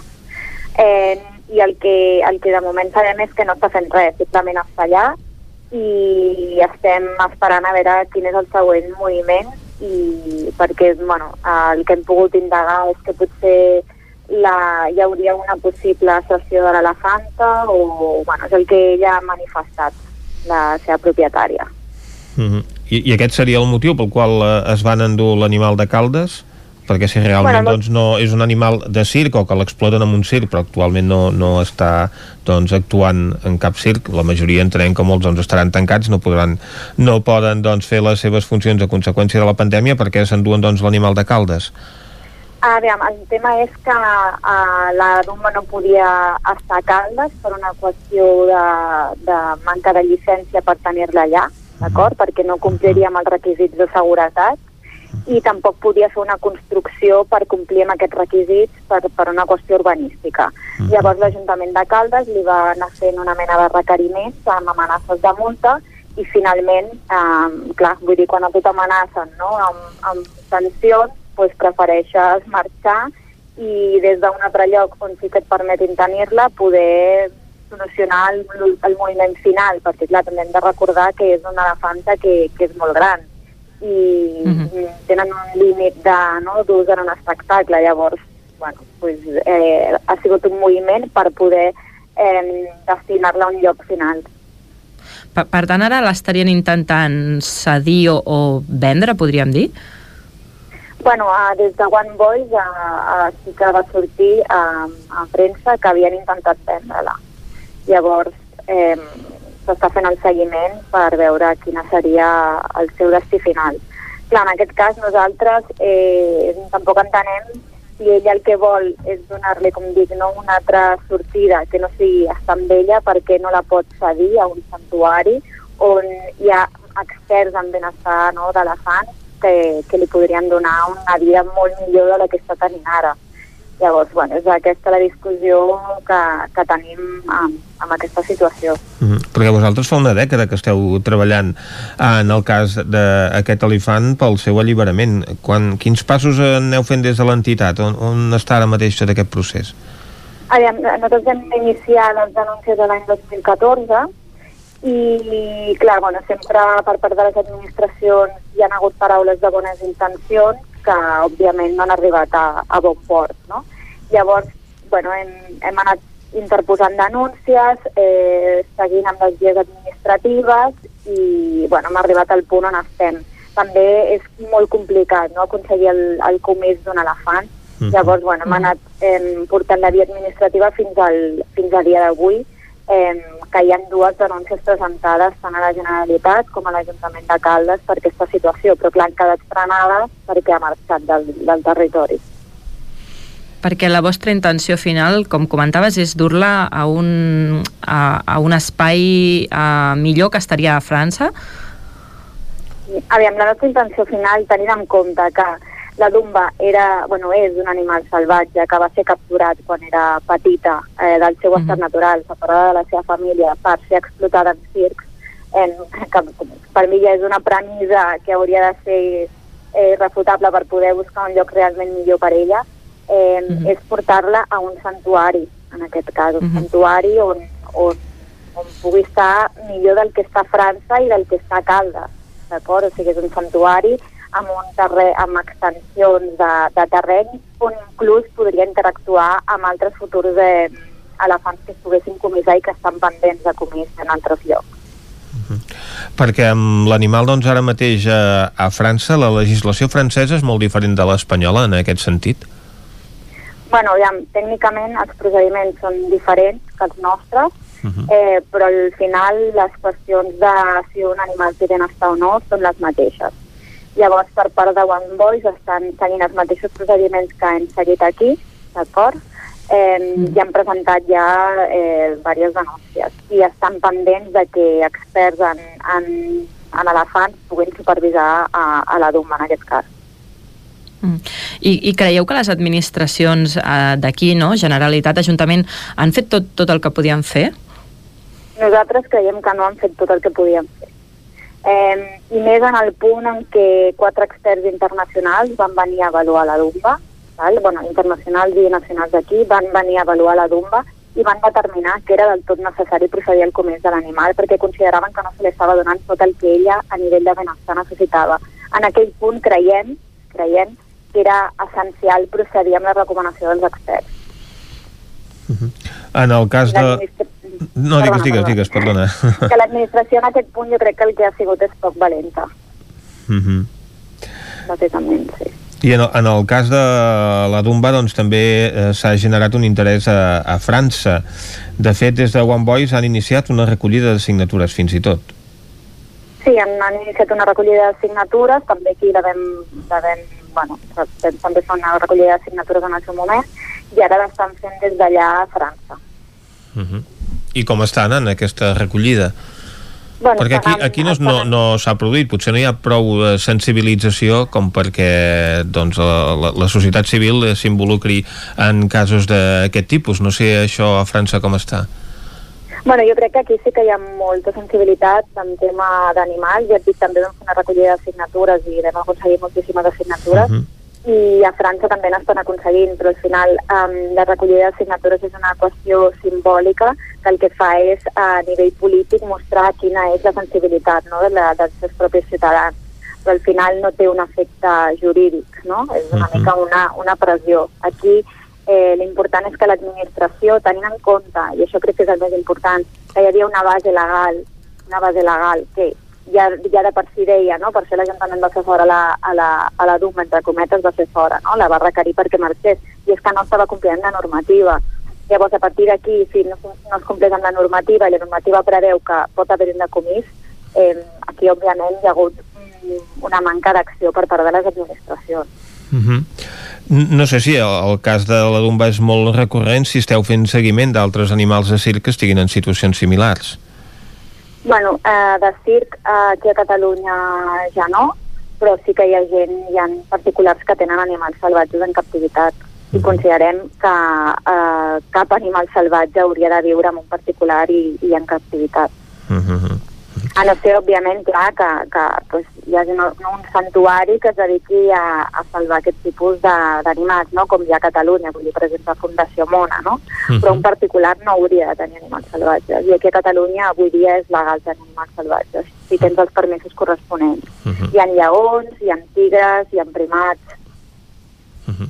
Per tant, gent que té aquesta autorització, diguem-ho així, per poder tenir a les seves finques doncs, animals salvatges, tot i que al país tampoc no hi ha molts espais on es puguin eh, acollir aquests animals que han estat en captivitat i que per tant no poden ser retornats al seu medi natural. Anna Estaran, moltes gràcies per acompanyar-nos. A vosaltres, moltes gràcies. Nosaltres anirem eh, seguint l'actualitat d'aquesta elefanta Dumba que estava en una finca de Caldes de Montbui i avui ens n'ha portat aquesta última hora l'advocada de FADA, l'entitat animalista doncs, que defensa els drets d'aquest animal. Ara al Territori 17 fem una pausa i tornem d'aquí un moment.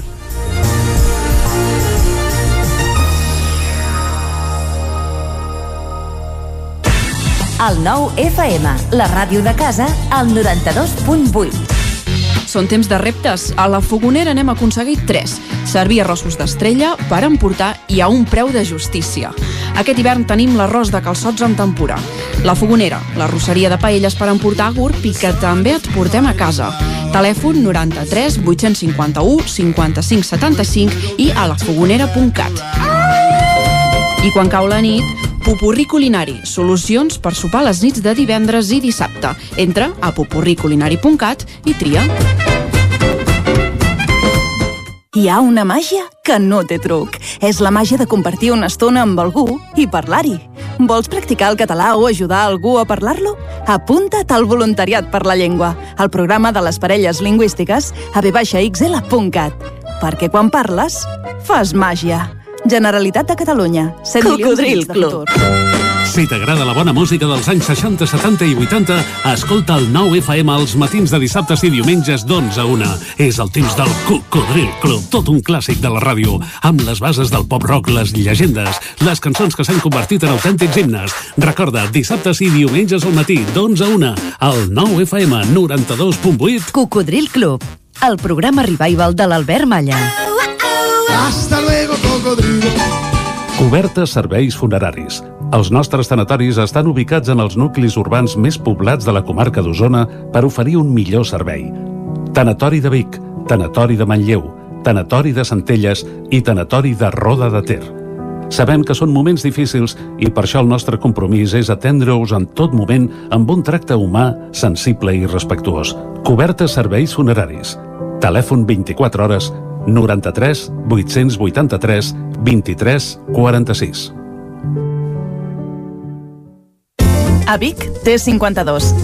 Solucions personalitzades. Dissenyem i produïm màscares personalitzades per a empreses, clubs o col·lectius a partir de 10 unitats. Disposem de dissenys propis per a particulars. Aconsegueix fins a un 30% de descompte.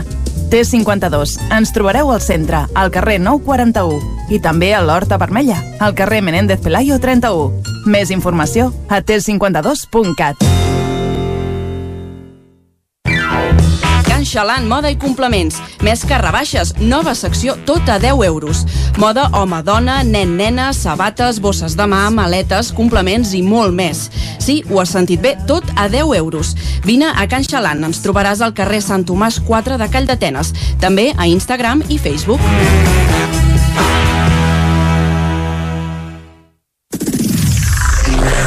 El 9 FM. El 9 FM. El 9 FM.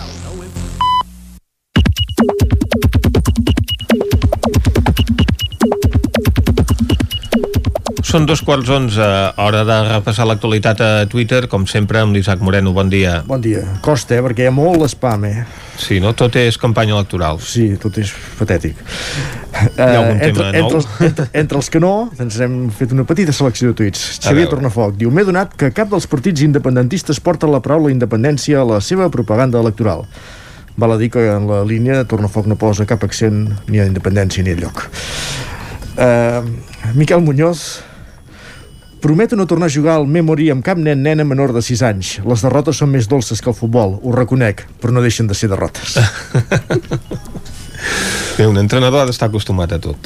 Enric Xicoi, entenc que aquells polítics que es presenten a les eleccions al Parlament Autonòmic de Catalunya i s'adrecen als votants només en castellà, ho fan perquè així s'asseguren que arriben al 100% dels votants, no com els altres que només pensen en els seus.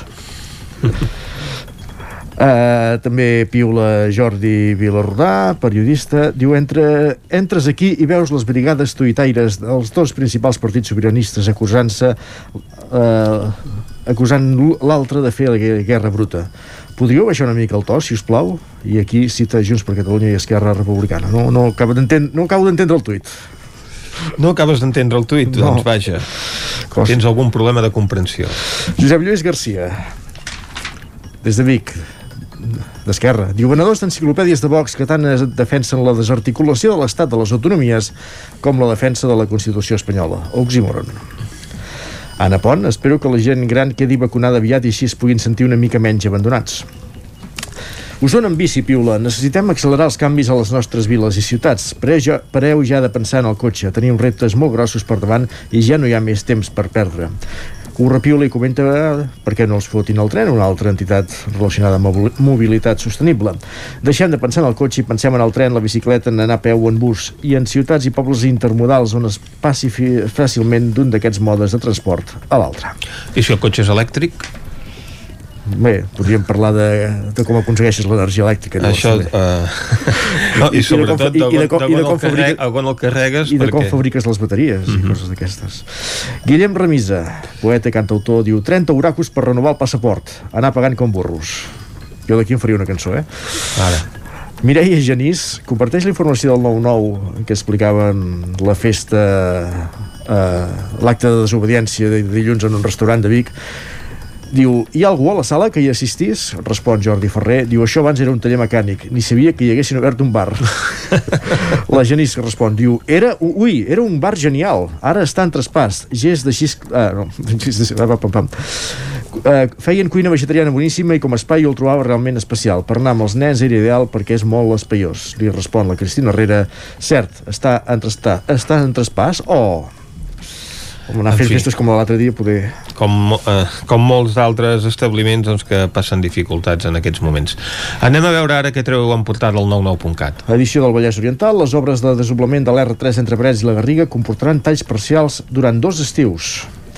Mor als 94 anys Manel Mas, expresident del centre excursionista garriguenc, una dona de 38 anys mor atropellada per una moto a Granollers i tres morts en un brot de Covid-19 a la residència de les Franqueses. Carreguem ràpidament la portada vermella, la de l'edició d'Osona i el Ripollès, els diagnòstics de càncer cauen un 12% en global el 2020 a Catalunya per la pandèmia, un 38% en la primera onada.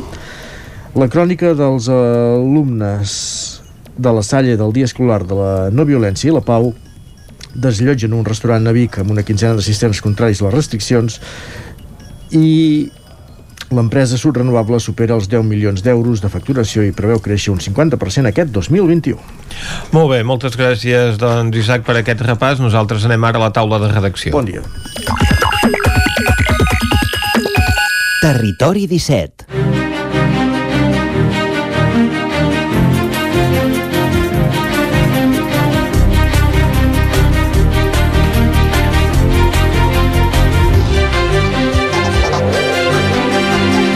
Avui a la taula de redacció tindrem en Guillem Rico i l'Isaac Muntades.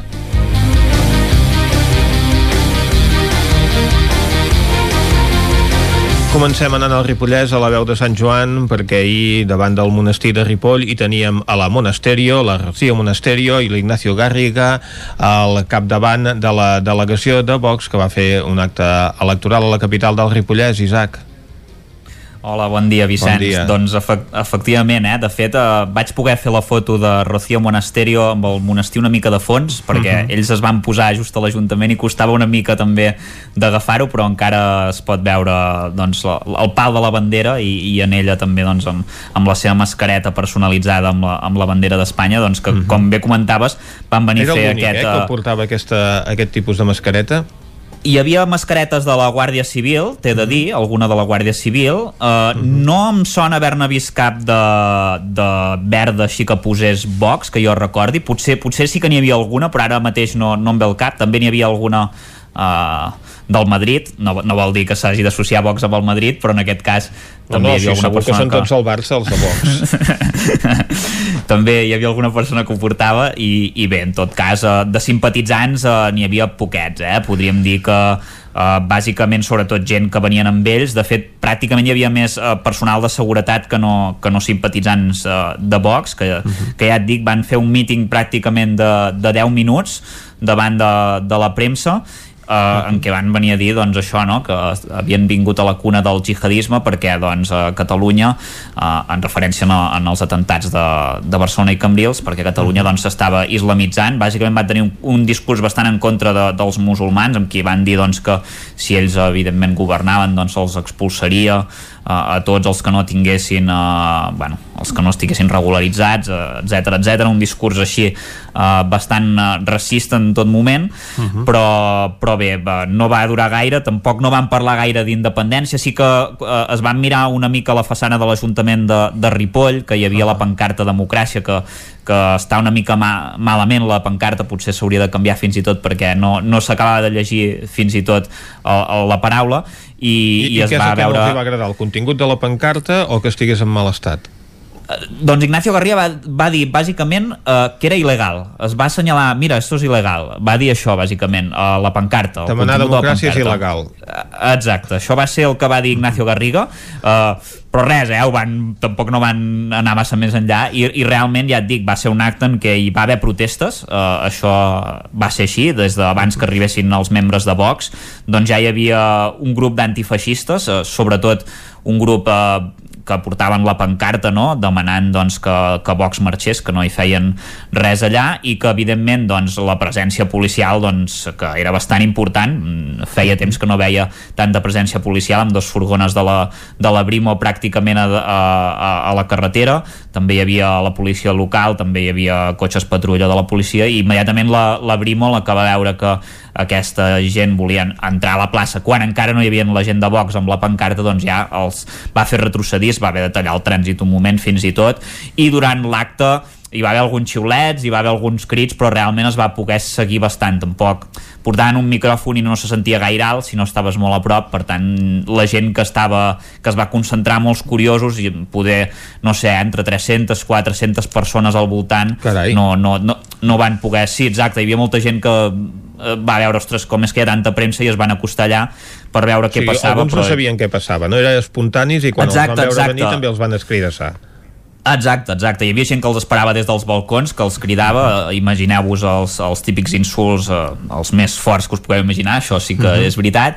I, I sí que és cert que quan va acabar un moment l'acte, hi va haver una persona eh, que és propietari d'un restaurant de, del centre de Ripoll, que evidentment quan, quan el vam veure doncs, la gent que érem d'allà el coneixíem, que anava amb un casc de moto posat i que estava molt enfadat i que els va començar a cridar molt, això potser ho heu vist en alguns vídeos que, el, que era doncs, que no hi havia dret que els hostalers haguessin de tancar a la- a l'hora que havien de tancar i que ells poguessin estar fent mítings. I, i Rocío Monasterio lluny d'anar, evidentment ja sabeu que a Vox li agrada anar a buscar una mica la, la confrontació, ens va acostar amb ell i li, i li va cridar, no, si tienes razón, tienes razón la hostelería debe, debería estar toda abierta bàsicament això Com va ser la, la, sí, exacte que ella ja sabeu que és diputada de, de l'Assemblea de Madrid. Doncs eh, bàsicament és el que, el que li va dir. Després ja van marxar eh, hi va haver una mica d'incidents al pont d'Olot. Eh, la Brimo va haver de fer una mica de cordó i va treure algunes porres perquè els manifestants antifeixistes doncs, es van acostar. Eh, la gent de Vox eh, el que va fer va ser recórrer tot el que és la zona del passeig a Sant Joan eh, cap a la zona de la mesquita del carrer Progrés eh, on hi havia la mesquita de l'imam eh, Abdel Baki Sati van fer una, una parada allà un moment sense dir massa res, només es van aturar allà i, i pel mig de la carretera eh, van anar fins a l'estació de Renfe vull dir que el trànsit va estar tallat una bona estona eh? hi havia gent que els, el xiulava bueno, els pitava amb els claxons vull dir que déu-n'hi-do déu nhi la, la visita que, que no va ser va, no va deixar indiferent a ningú eh? realment i pel que dius doncs hi havia més periodistes que seguidors del propi partit interessats amb les proclames sí, sí. dels seus líders hi havia molts, molts periodistes, hi havia periodistes de fet de diaris eh, que no són habituals o de mitjans de comunicació, per exemple recordo un càmera d'un mitjà que es diu Eñe Pueblo que és bastant doncs, eh, contrari doncs, a la independència i evidentment a les polítiques de Vox, hi havia intereconomia. Vull dir, hi havia mitjans eh, que no solen haver habitualment eh, i que evidentment, clar, quan desembarca el cap de llista de Catalunya a Ripoll que més o menys la gent el coneix i apareix també una de les estrelles mm, anava a dir, una de les mà dretes de Bascal, amb uh mhm. -huh. Bernardo Espinosa de los Monteros i Javier Ortega Smith podríem dir que són els més coneguts doncs eh, sí que va sorprendre una mica la veritat, però, però realment no hi va haver-hi massa incidents eh? vull dir que el, eh, Mm, no hi va haver-hi cap detingut, eh, no hi va haver-hi ferits que ens constin i, i l'acte més o menys es va desenvolupar normal, ells van poder fer el seu speech, el seu discurs i eh, quan van acabar van, van marxar, no van presentar cap proposta pel Ripollès, això sí que és veritat evidentment i l'únic que, que va dir que... a l'estació, que pogut prometre sí. un desdoblament que és el que fa tothom Exacte. Sí que van dir una cosa positiva de Ripoll, que això poder és el més dintre del que des de la visita que Monasterio és arquitecte, com sabeu, uh mhm. -huh. i va dir Bé, que... Bueno, que hi ha dubtes de que... Sí, hi, hi ha dubtes per al seu treball. Que la titulació hagi acabat totes les assignatures, sí, sí. Exacte, però sí que va comentar això, no? que havien vingut a una, a una ciutat, ella va dir ciutat, en, que uh -huh. tenia una joia del romànic, en referència doncs, al, al monestir. Per tant, sí que alguna cosa va dir. Molt bé, doncs, moltes gràcies, Isaac. Ara nosaltres Vosaltres. Anem a parlar doncs, dels ajuntaments que estan establint nous canals de comunicació amb els seus veïns per via digital. Oi, Guillem? Sí, bon dia. Uh, la pandèmia ha fet accelerar uh, una mica doncs, la digitalització d'ajuntaments uh -huh. pel que fa a la participació ciutadana i també doncs, ha fet que molts veïns aprenguin noves eines digitals per, per poder-s'hi posar en contacte.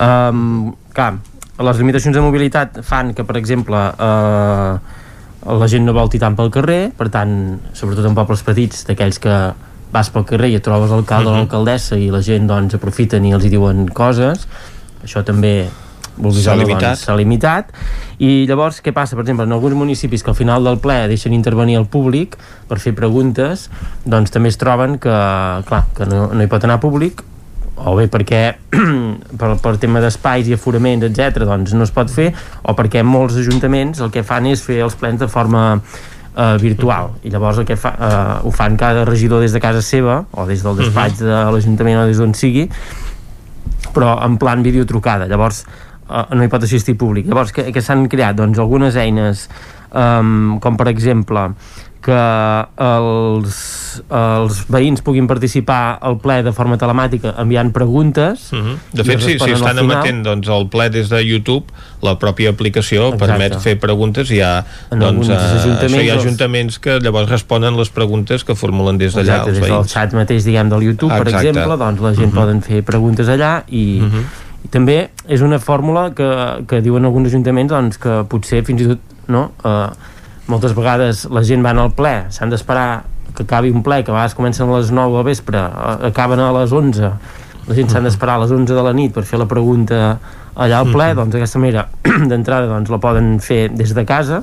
Uh -huh i per altra banda hi ha altres, hi ha altres fórmules eh, per fer arribar aquestes preguntes en altres horaris per exemple, eh, mm, veiem un exemple de l'alcalde de Ripoll no? que feia un directe a través d'Instagram precisament deia, home, uh -huh. doncs, doncs això potser es pot quedar fa un directe una hora al mes i llavors el que fa és eh, atendre a la gent i li fan preguntes i no s'han d'esperar el dia del ple a, a les tantes de la nit per, uh -huh. per fer aquestes respostes i pot interactuar amb els veïns d'aquesta manera en alguns llocs han, han activat eh, canals que són més unidireccionals sobretot a l'inici de la pandèmia molts eren per, per temes d'informació uh, de, de, directament de, de, la pandèmia, de la pandèmia. Es van crear canals de Telegram per exemple a Vic o, o a Torelló, altres municipis han, han creat canals de, de WhatsApp, municipis més petits, uh -huh. um, en alguns, per exemple, Prats o, o d'altres petits ja, ja tenien aquests canals de, de WhatsApp, però sí que ha augmentat el nombre de gent doncs, que, que s'hi ha apuntat, i hi ha alguns llocs, com aquest de Prats que dèiem, doncs, que, que també els veïns poden enviar pre, uh, dubtes o qüestions en aquest WhatsApp i els hi contesten uh -huh. uh, per privat. Per tant, és bidireccional en aquest cas. En aquest cas és bidireccional, en altres casos no, és simplement una manera de, de, uh -huh. de rebre informació que potser pot connectar més amb un determinat públic de gent més gran que potser no tenen Twitter o no tenen unes xarxes uh -huh. així, doncs, doncs és una altra manera. També han activat aquesta oficina Vic, per exemple, l'OH 360 per fer tràmits telemàtics, hi ha altres ajuntaments que ja tenien plataformes per fer aquests tràmits telemàtics, però també s'ha facilitat, s'ha accelerat, Uh, per exemple, a Santa Eugènia estan treballant amb una aplicació que ja tenen altres consistoris d'aquestes de, que tu tens al mòbil per localitzar, vas pel carrer, veig una, un fanal que no funciona, una vorera que no sé què pots uh -huh. fer la foto, enviar-la directament per l'aplicació amb la localització i tot perquè pugui saber l'Ajuntament doncs, el, que, el que ha passat. I llavors, per exemple, en el cas aquest que parlàvem de l'alcalde de Ripoll hi va haver un cas similar a Centelles uh -huh. pel juny, eh, crec que era, perquè van fer un, una valoració del primer any de mandat i també, doncs, en, crec que en aquest cas es va fer via Facebook, eh, l'alcalde Josep Paré doncs, uh -huh. també va, va fer aquesta explicació i els veïns van poder, van poder mm, participar i els plens telemàtics, recordem això, que ara ja fa pràcticament un any que molts els han fet sempre de forma telemàtica.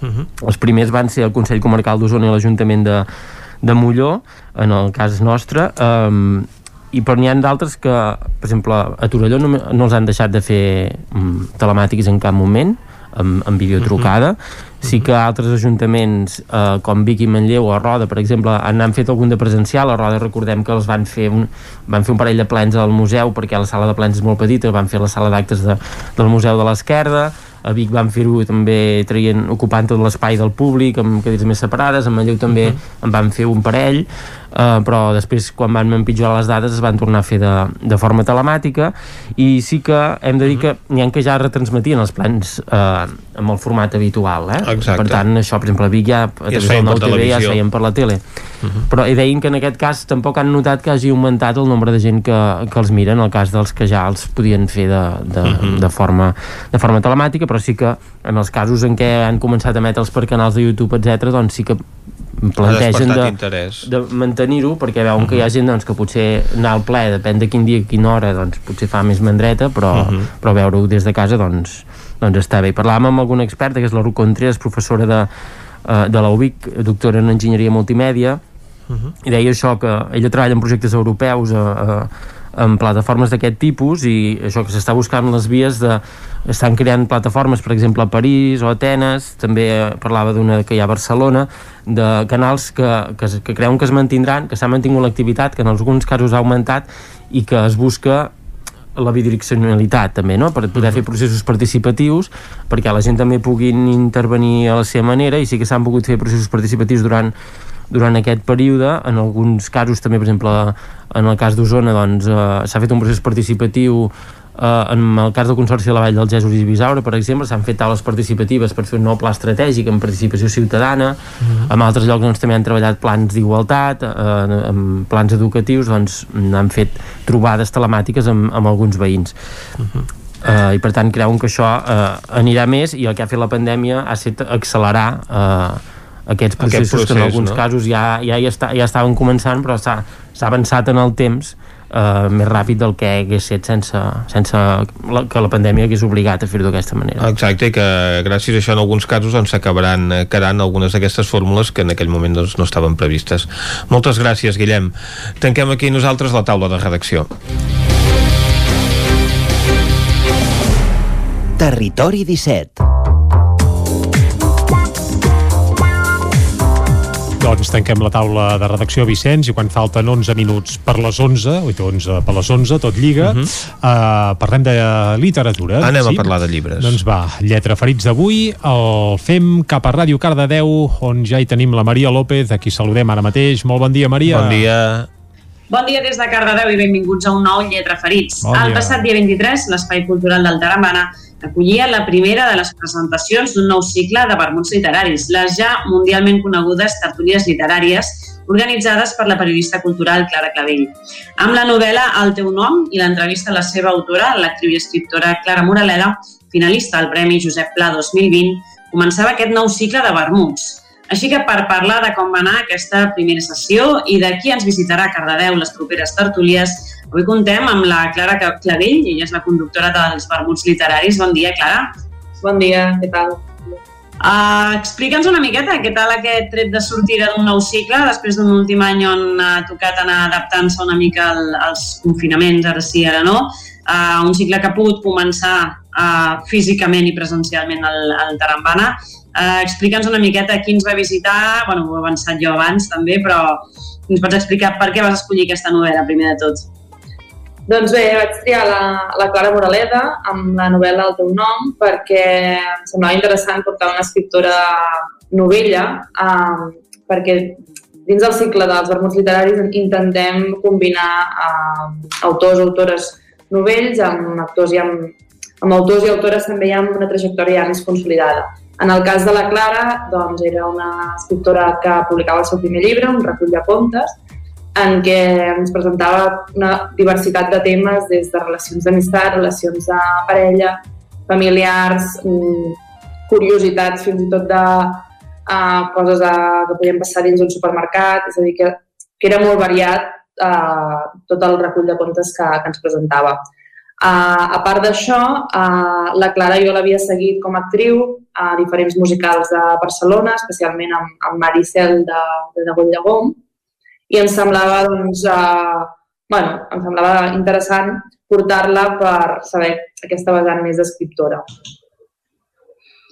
El teu nom, explica'ns una miqueta què podem trobar amb aquesta novel·la i, i què et va, què et va explicar la seva autora.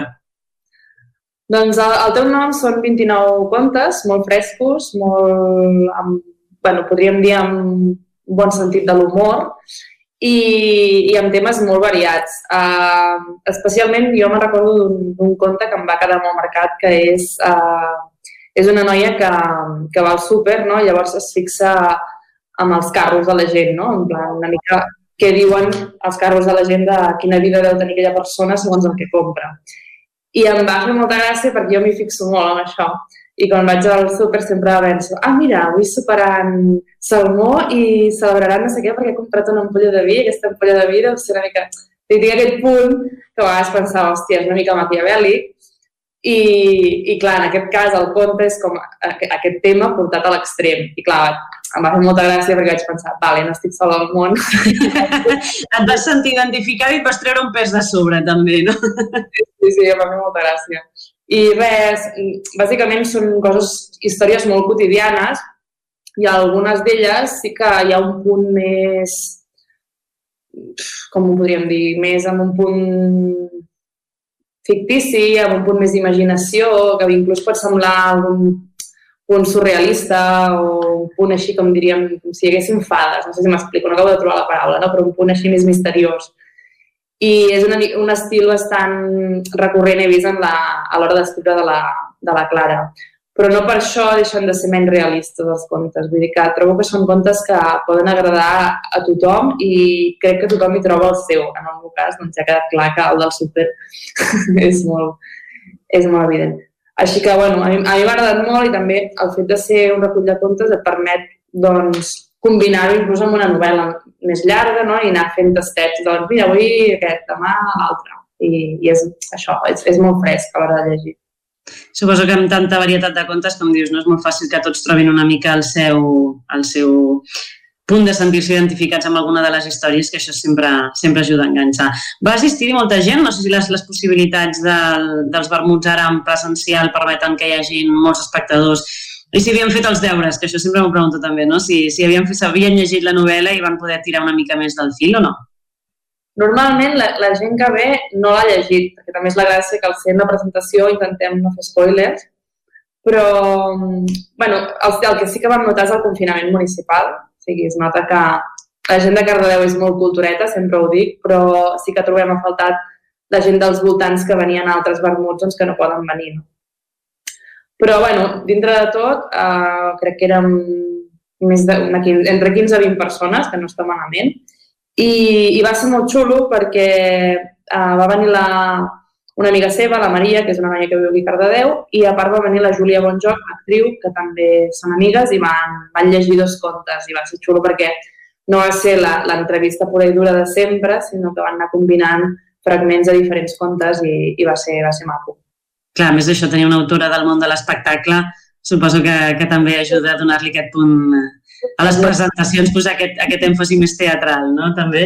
Totalment, sí, sí, perquè ja passa de Normalment jo els proposo si poden llegir un fragment uh, al final, doncs, per, també perquè la, la gent no es faci una idea de l'estil, no? de com escriuen. Però en aquest cas va ser la Clara la que em va dir hosti, puc llegir algun conte o puc portar algú? Jo, i tant, i tant. Sí. Al final, vull dir, el format no és gens tancat i com més variat sigui i més enriquidor, doncs per mi perfecte. Al final. Parlem d'una escriptora bastant jove també, no? Sí, la Clara és del 94 és del 94. Sí, sí, és molt jove. Però té una escriptura que sembla, no sembla pas una primera novel·la. Vull dir, semblava que ja tingués bagatge o a l'hora d'escriure es notava que, que fa anys que escriu, que passa que no havia publicat. Molt bé, doncs, bueno, després d'aquest El teu nom, que ja vas va presentar el dia 23, Tenim propera cita, a veure si podem fer allò una mica de... sense fer spoilers, que ja sabem que sempre costa una miqueta, però una mica, una mica d'avançada de la propera cita. El càstig de Guillem Sala, que serà el dissabte dia 20 d'aquest mes. Explica'ns una miqueta, sense spoilejar massa, no sé si el verb es diria així, spoilejar, però bueno, no sé si sense treure'ns massa misteri, avança'ns per què l'has escollit i què podem trobar en aquest llibre. Bàsicament l'he escollit perquè M'agrada molt l'editorial. L'altra editorial sempre intento que cada any hi hagi algun llibre d'aquesta editorial perquè tenen un catàleg eh, que personalment, a part que m'agrada, trobo que és, mm, té un punt trencador i, i són llibres que no et deixen indiferent. En el cas del càstig del Guillem Sala, també tenia com pendent portar el Guillem, perquè en aquest cas, en aquesta novel·la, juga molt amb, amb, amb la llengua, no? O sigui, és com una barreja de català-castellà, però ell ho defensa com dient que, que al final és, és la realitat, no? I al final és... Mm, ell fuig molt de la, de la norma lingüista, lingüística i de dir, bueno, al final, si els meus personatges viuen a tal, tal lloc de Barcelona i parlen així, per què no ho puc plasmar en un llibre que al final els escriptors el que intentem és plasmar la realitat, no? I jo en aquest cas estic bastant d'acord amb ell, malgrat que ens pugui doldre uh, aquestes barreges de català-castellà, però trobo que, que és una manera de, de posar de manifest doncs, el que tenim a dia d'avui. I això ho fa a través d'un personatge que és la Sandra, que és una professora d'institut doncs, que, que, que té bueno, una relació diguem, especial amb un dels alumnes i té tota una sèrie de, de conflictes personals i familiars doncs, que, que ja arrossega. No? I és una mica doncs, aquesta lluita dels seus conflictes eh, diguem, més, més personals amb, amb, amb aquesta etapa laboral i la relació amb aquest alumne. Creus que el fet de, de fer servir, doncs, com deies, no, doble llengua en aquest sentit pot portar algun tipus de crítica en algun perfil de lectors? Sí, sí. De fet, ell, eh, quan l'entrevisten ja ho, ja ho defensa una mica, no? que no, no estem acostumats potser a, a llegir aquest tipus de, de novel·la, en català barreja en castellà, i posa i compara amb, amb l'anglès, que en l'anglès es veu que es fa molt, però els anglesos no s'ho prenen com una crítica, sinó que s'ho prenen inclús com un elogi, de dir, bueno, uh, és el que hi ha i, i inclús pot ser una, una riquesa lèxica, depèn com tu miris, no? Llavors, mm -hmm. Uh, jo m'he trobat persones que, que l'han llegit i han criticat molt aquest estil. Mm, bueno, tot, és, tot és respectable, però en aquest cas, eh, coneixent els seus arguments a l'hora d'escriure-ho, trobo que és molt lícit i, i que inclús per mi té part de raó i ho trobo, jo ho trobo molt bé. Doncs eh, amb aquest serà el dia 20, el del mes de febrer, i el cicle el tancaràs amb La Casa del Foc de Francesc Serés el dissabte 13 de març. Eh, Explica'ns una miqueta avançadeta, petita, per saber què ens podem trobar amb aquesta novel·la. Doncs a Casa de Foc seguim amb la idea de professors perquè la, la protagonista, en aquest cas és un, és un noi, um, arriba a un, a un poble de, de la Garrotxa per fer classes a, a una nena que es diu Mar. i a partir d'aquí doncs, sorgeixen tot, també tot de conflictes i, i subtrames no? relacionades. Um, però en aquest cas jo no he triat tampoc el llibre per l'argument, sinó perquè uh, bueno, César és una persona ja molt consolidada i m'interessava també que vingués als vermuts, però a part d'això uh, va guanyar el Premi Proa amb aquesta novel·la i per mi és un premi que justament el van començar l'any passat, és la segona edició aquest any, l'ha guanyat ell, i la primera va ser amb el Jordi Nopka, que a mi el Jordi Nopka m'agrada molt, també vam fer el vermut amb, ells, uh, amb ell el passat maig.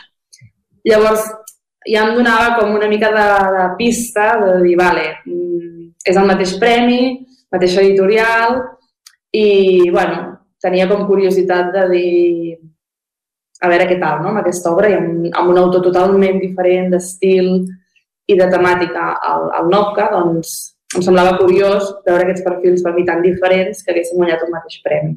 I, uh -huh. i una mica la, la tria va ser aquesta, pel, pel Premi Proa i també per, per la figura com a Francesc Sarés, com a qui és el Francesc Sarés.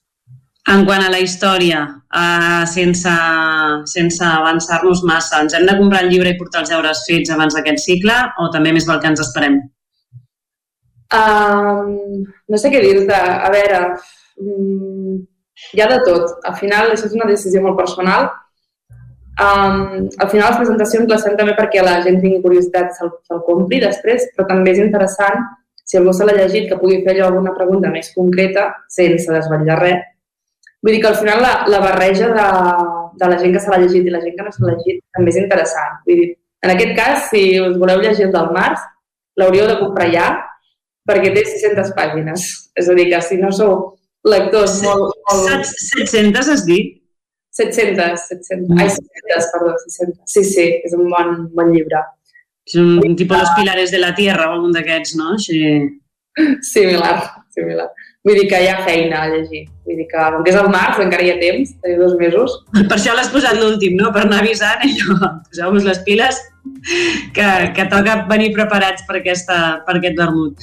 Uh, Clara, moltíssimes gràcies un cop més per estar amb nosaltres a Lletra Ferits i avançar-nos que, què tindrem, aquests vermuts literaris, en aquesta cinquè, cinquè cicle, dèiem abans, no teníem clar si era el cinquè o el sisè, cinquè cicle ja, i també moltíssimes gràcies per continuar endavant amb aquest projecte tan maco dels vermuts literaris, que, que la veritat és que ajuden moltíssim a fomentar la lectura i a nosaltres ens tenen en lletra ferits bastant, bastant enganxats. Doncs moltes gràcies a vosaltres per fer d'altaveu del projecte. Gràcies, Clara. Bon dia. Merci, bon dia.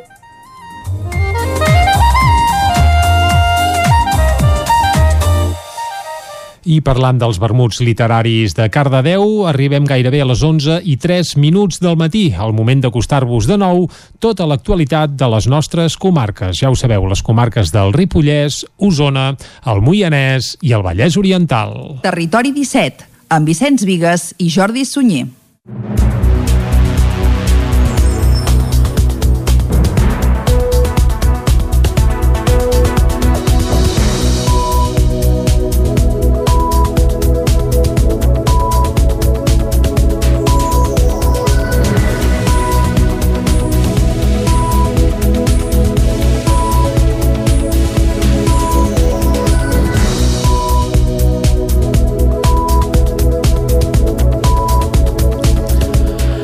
Canovelles inicia les obres de millora del pavelló Tagamanent de la població. David Auladell, de Ràdio Televisió, Cardedeu. L'Ajuntament ja ha iniciat les obres de millora d'aquest pavelló, construït l'any 1995 i que després de 25 anys d'activitat ja no s'adequa a la normativa vigent. És per això que el consistori ha engegat una actuació que pretén fer més accessible i eficient l'edifici, actualitzant les instal·lacions d'aigua i calefacció i renovant la graderia, el paviment de la pista i la senyalització. Emilio Cordero, alcalde de Canovelles. I una de les parts importants del, del, de l'obra és el tema d'accessibilitat també per normativa. Es posa un ascensor i s'adequen unes rampes que hi ha aquí darrere doncs, perquè tot això sigui, tot això sigui accessible. No? Quan estigui tot normalitzat, diguem, tindrà una autorització per fer esdeveniments més grans dels que actualment fa. L'actuació preveu ampliar un carril més a la pista d'atletisme.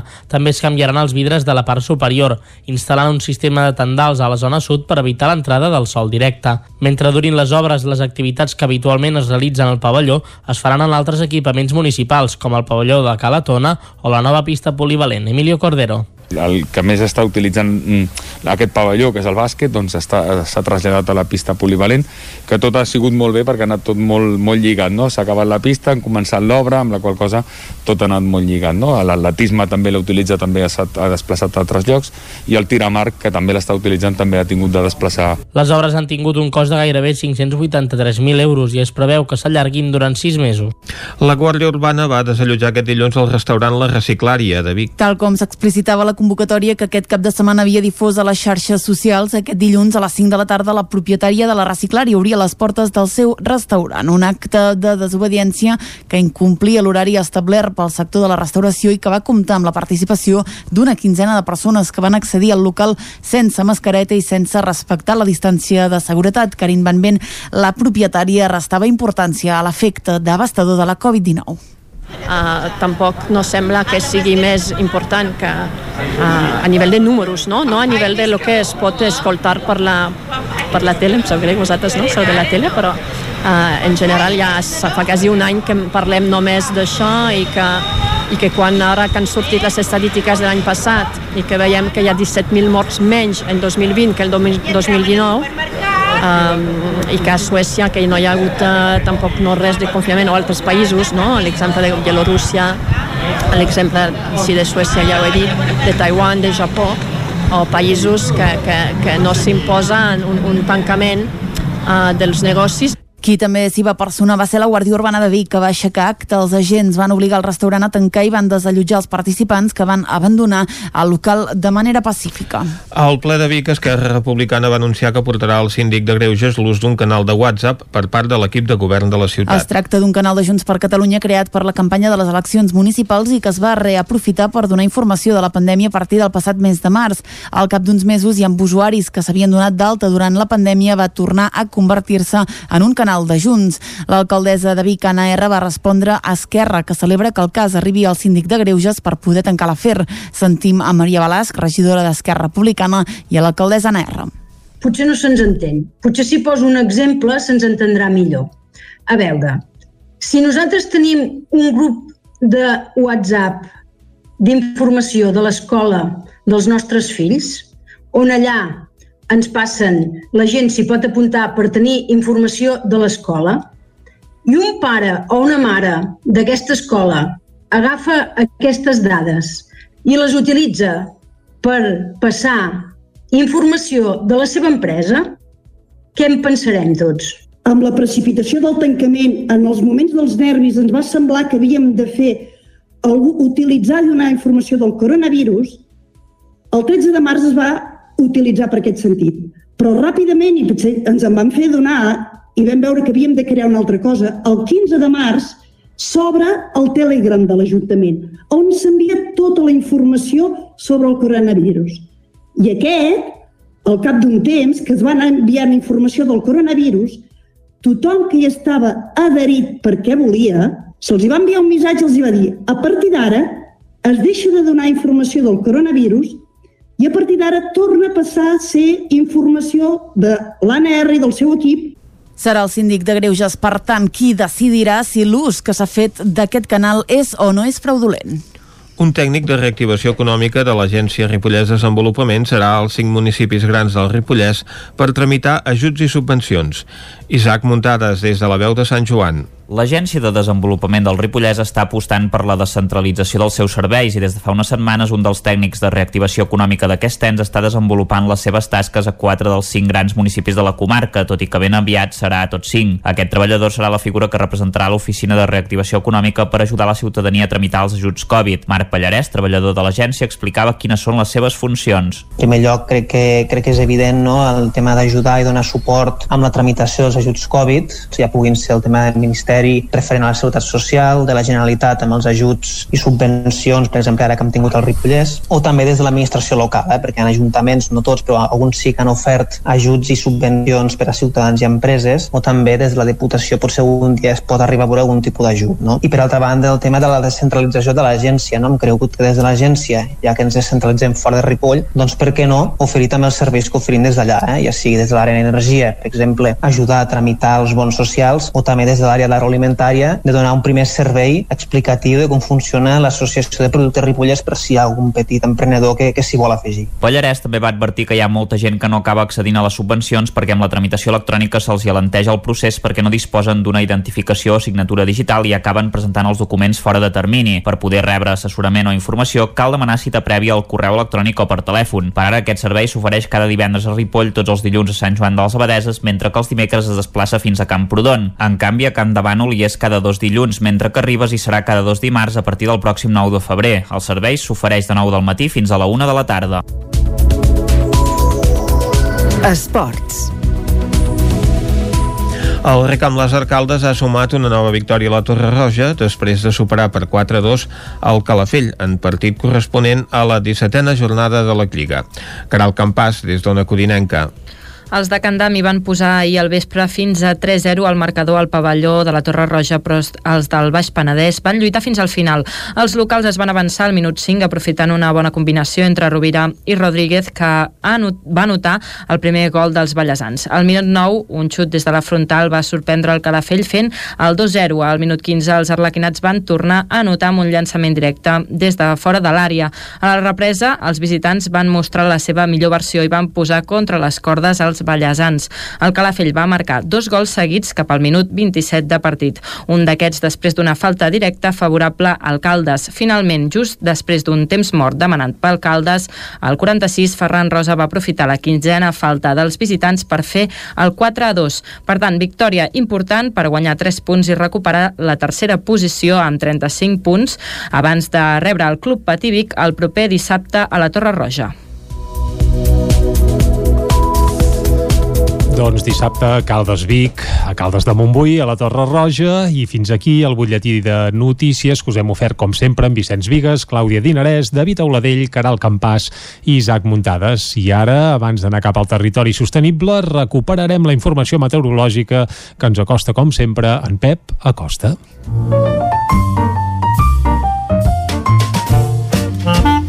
Casa Terradellos us ofereix el temps. I en Pep el saludem altra vegada perquè ens expliqui el temps que ens espera per aquest dia 3 de febrer de 2021. I ahir, que era el dia de la Candelera, ja ho saps, eh, Vicenç, què diu la Candelera? Si la Sí. Candelera Plora, plora... L'hivern és fora. I si la Candelera riu... Com ahir. I molt. L'hivern és viu, per tant, Doncs, per tant- ens queda hivern encara. Doncs va, ja estem situats. Molt bon dia, Pep. Hola, molt bon dia.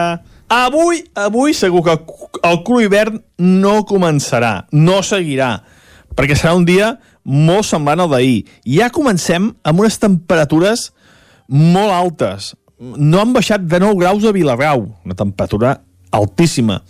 De 6-7 a Núria, també molt alta. I a les Valls sí que ha baixat una mica més. 3 graus de mínima a Sant Pau de Segúries, 5 a Vic, i aquest contrast tèrmic, aquesta inversió tèrmica entre les valls i les zones altes. Eh? A les zones altes fa més, més calor, temperatures més altes, que no pas a les valls a les hores nocturnes. L'aire fred es diposita a les valls. Hem de dir una altra cosa. Uh, hi ha una primera boira molt tímida i anticicló i això fa que hi hagin boires molt, molt, molt petita, eh? encara no és gens espessa. De cara a la tarda, les boires marxaran, el sol serà gran protagonista, hi haurà algun núvol prim, però molt poca cosa. No plourà en lloc, ni molt menys. I les temperatures seran gairebé igual que les d'ahir. Però eh, poder superarem els 20 graus a més zones. Més zones superarem els 20 graus, tot i que no pujaran més, eh? No crec que pugin més aquests 21 graus que ells van registrar a Parets del Vallès.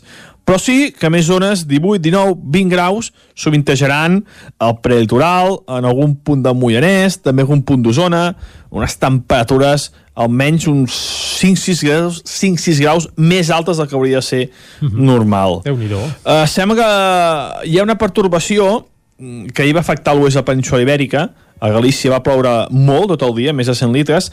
Aquesta pertorbació s'està escolant, ara mateix, ara mateix s'està escolant cap al golf de Cádiz. Veurem la posició final, aviam si ens envia vents de llevant i la possibilitat de canvi al cap de setmana. Tot i que els mapes es contriuen molt, veurem, veurem què acaba passant. I això és tot. Molt bon dia i a disfrutar aquest dimecres. Esperem que us hagi agradat la informació del temps. Adeu, bon dia. Vinga, disfrutarem d'aquest dimecres, oi que sí, Vicenç? Sí, senyor, i per suposat que ens ha agradat la informació del temps. Home, D'això no en tenim cap dubte. I més quan és per dir-nos que fa bo i que, Exacte.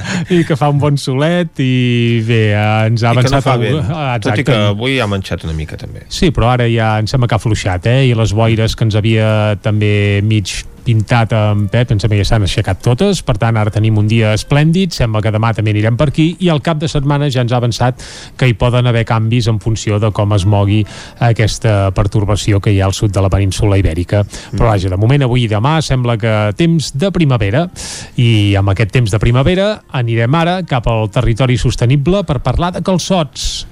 Tu Menjar ets de calçots o no, Vicenç? Una sí, menja eh? d'hivern, eh? Menja d'hivern. Bé, ara ja se'n fan tots l'any, em sembla, eh?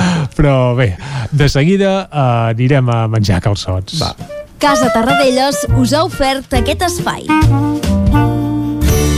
Territori 17. Envia'ns les teves notes de veu per WhatsApp al 646 079 023. 646 079 023. WhatsApp Territori 17.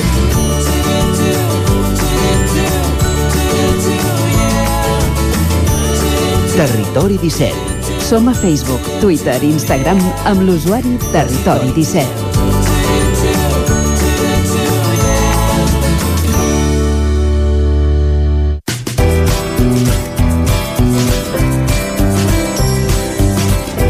Doncs quan passa un minut d'un quart de dotze, territori sostenible amb Jordi Givert. Avui ens parla dels calçots de Vigues i Riells. Com són? Aviam. Anem-hi.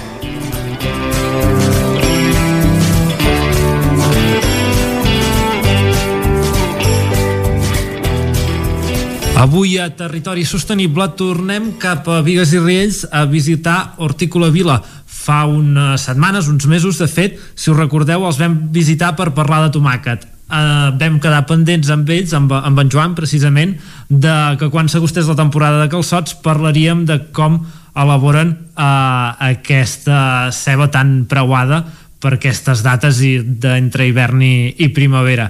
Uh, Joan, hola, com, com anem? Hola, molt bé. Primer de tot, tot i la situació del confinament, um, com, com va la venda de calçots? Uh, va bé? Se'n venen menys que altres anys? Heu hagut d'adaptar-vos a, a tot plegat? O, o van bé? Sí, ara estem ja a campanya, passat el fred aquest del gener, doncs tothom ara amb aquests bons dies que fa doncs, té ganes de, de fer calçotades, eh, tot i com molt bé dius amb la, nova, amb la nova situació. I ens hem hagut d'adaptar sobretot a una cosa. Eh, altres anys es feien calçotades en què reuníem 20, 30 persones, 40, eh, servíem a restaurants i tot això malauradament s'ha canviat i ho hem hagut de reconvertir i ara les comandes són de, de, de 75 calçots, 50, 100, per què? Perquè són 4, 5, els que són a casa, però, però la gent té ganes, té ganes de fer cosetes perquè, esclar, això es va allargant. Sí, o sigui que de moment, eh, tot i haver-se hagut de- d'adaptar i, i canviar una mica el, el, el, el tipus de, de venda que es feia normalment, segueix funcionant. Sí, és, és un producte doncs, de, de temporada que, que ens ajuda també a passar, a passar l'hivern als, als hortelans en aquestes zones que són una mica més, uh -huh. més fredes que el que és la pura línia de la costa del Maresme, per exemple. No? I, I això, doncs, eh, aquest any doncs, teníem molta por i de moment doncs, podem, salvar, podem dir que creiem que salvarem la temporada. No amb nota, però doncs, el calçot surt de bona qualitat amb els freds que va fer el gener i també és cert que se n'ha fet menys que altres anys, eh? Això també és cert. Si no recordo malament, vosaltres encaixàveu el, el cultiu del calçot amb el que fèieu de, dels tomàquets, no? Quan, quan, una, quan una, eh, una temporada alta de tomàquet eh, aprofitàveu el tomàquet i després de la temporada més baixa, diguéssim, eh, plantàveu el calçot, o, oi que era així? Sí, Sí, sí, nosaltres collim el tomàquet fins al setembre, mitjans octubre, el calçot el plantem al, a l'agost al terra. Aleshores, doncs, quan uns ja només n'hem de collir, que ja, no, ja la planta va de baixa, doncs comencem amb l'altre amb l'altre cicle.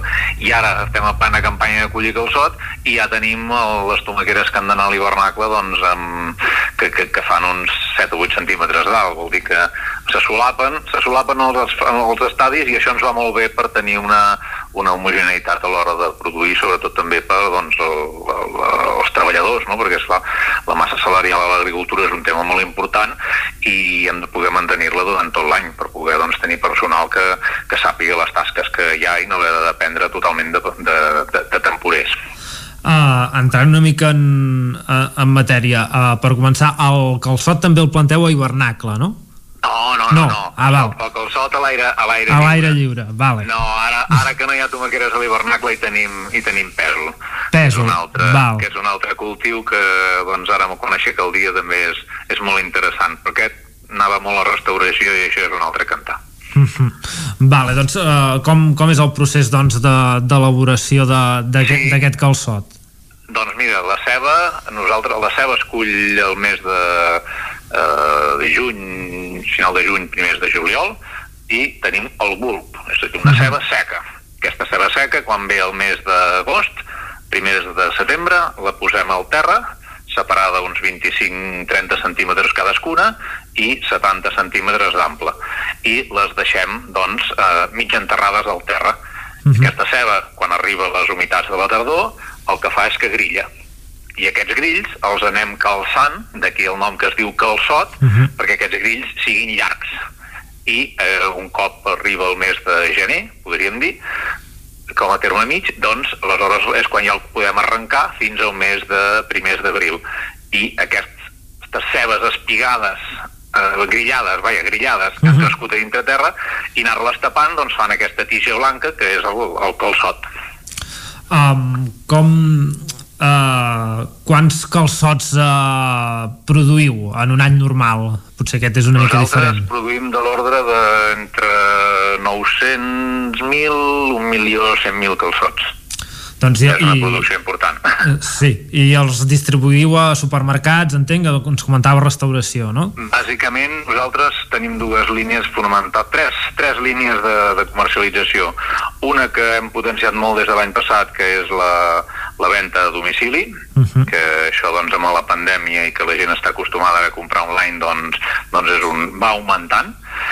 Llavors, la restauració, que la restauració aquest any, malauradament, doncs, estan gastant de l'ordre de la, la meitat els restaurants que estan més de sort i n'hi ha molts que quasi bé no gasten cap calçot i després nosaltres la comercialització la fem a través de, de supermercats i fonamentalment a bon preu. Des de quant temps fa que, que planteu el, el calçot? Uh, vosaltres, uh, si no recordo malament, havíeu començat amb productes d'horticultura, però sobretot el tomàquet era el producte estrella. Sí, nosaltres que fem calçot en sèrie ho farà 7 o 8 anys. Arran de dues coses. La que ja hem comentat abans, de poder tancar el cicle productiu de funcionament de l'empresa, i arran també de que és un producte que, que ha augmentat molt el, el consum els darrers, els darrers anys. És a dir, s'ha popularitzat eh, i s'ha convertit en el, en el festiu, en una activitat festiva de diari, més enllà de, de, del que era concentrat a la zona de Tarragona. I això fa doncs, que aquesta zona eh, així del prelitoral doncs, també se, se n'està fent i aquí el Vallès se'n fa, se'n fa, se'n fa força des de fa uns anys. Sí, de fet, gairebé suposo que tot Catalunya uh, s'ha tornat com un esdeveniment social de- d'això, de, de, final d'hivern, principi de primavera. Sí, sí senyor, sí senyor. Per què? Perquè convida a una cosa que als mediterranis ens agrada molt, que és la, el compartir taula, compartir l'aire lliure i doncs després el, el foc. I aquestes coses a sortida d'hivern doncs que és un temps més apagadot doncs va bé. I després una altra qüestió que és relativament econòmic.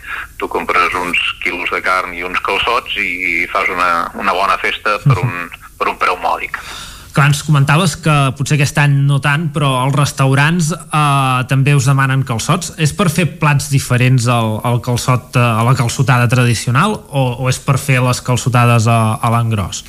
Nosaltres que els nostres clients de restauració que nosaltres servim són per fer calçotades, la calçotada tradicional, és a dir, tenim un restaurant doncs, que, que en gastava més, normalment cada setmana n'estava gastant entre 8 i 9.000, 10.000, ara al Fort aquesta setmana n'està gastant 3.000. Va, això per ell és molt, eh, diu aquest any, eh, i clar, és, és el plat típic de, de calçotada, és a dir, la calçotada amb la carn a la brasa, les mongetes, un bon postre, en una masia al mig de la natura, i això és la típica calçotada que, que farien. Els altres formats de calçot, doncs, des de poder-lo fer amb, amb pizza, fer-lo amb, amb arròs, és a dir, paella d'arròs i carxofes ara també seria un plat super de temporada Sí. i de quilòmetre zero de la cuina i de la horta de, de sortida d'hivern. És genial, és un bon plat, però aquest tipus de plats i, i restaurants, doncs, encara si, si més no, en, en, encara pateixen més la crisi que, que l'altre tipus de restaurant, no? Sí, sí. Uh, doncs uh, esperem poder fer les calçotades com fèiem uh, tradicionalment i, i que aviat ens puguem reunir i que tornin aquestes grans uh, calçotades que, que s'han tornat, com dèiem, amb un eh, esdeveniment social. Uh, gràcies per explicar-nos una mica uh, tot, a, tot el funcionament i, i, i per acompanyar-nos en el territori sostenible d'avui. Moltes gràcies a vosaltres també. Doncs eh, despedim el territori sostenible d'avui. Joana, et tornarem a, a visitar i per parlar, ens queda pendent pel que veig de parlar una mica dels pèsols de, de com és aquesta elaboració que, que feu d'aquest producte que, que també eh, és propi de, de la terra. Molt bé. Aquí estarem. Molt bé. Doncs uh, gràcies per escoltar-nos. Us deixem amb els companys del Territori 17 que seguiran repassant l'actualitat local de les nostres comarques.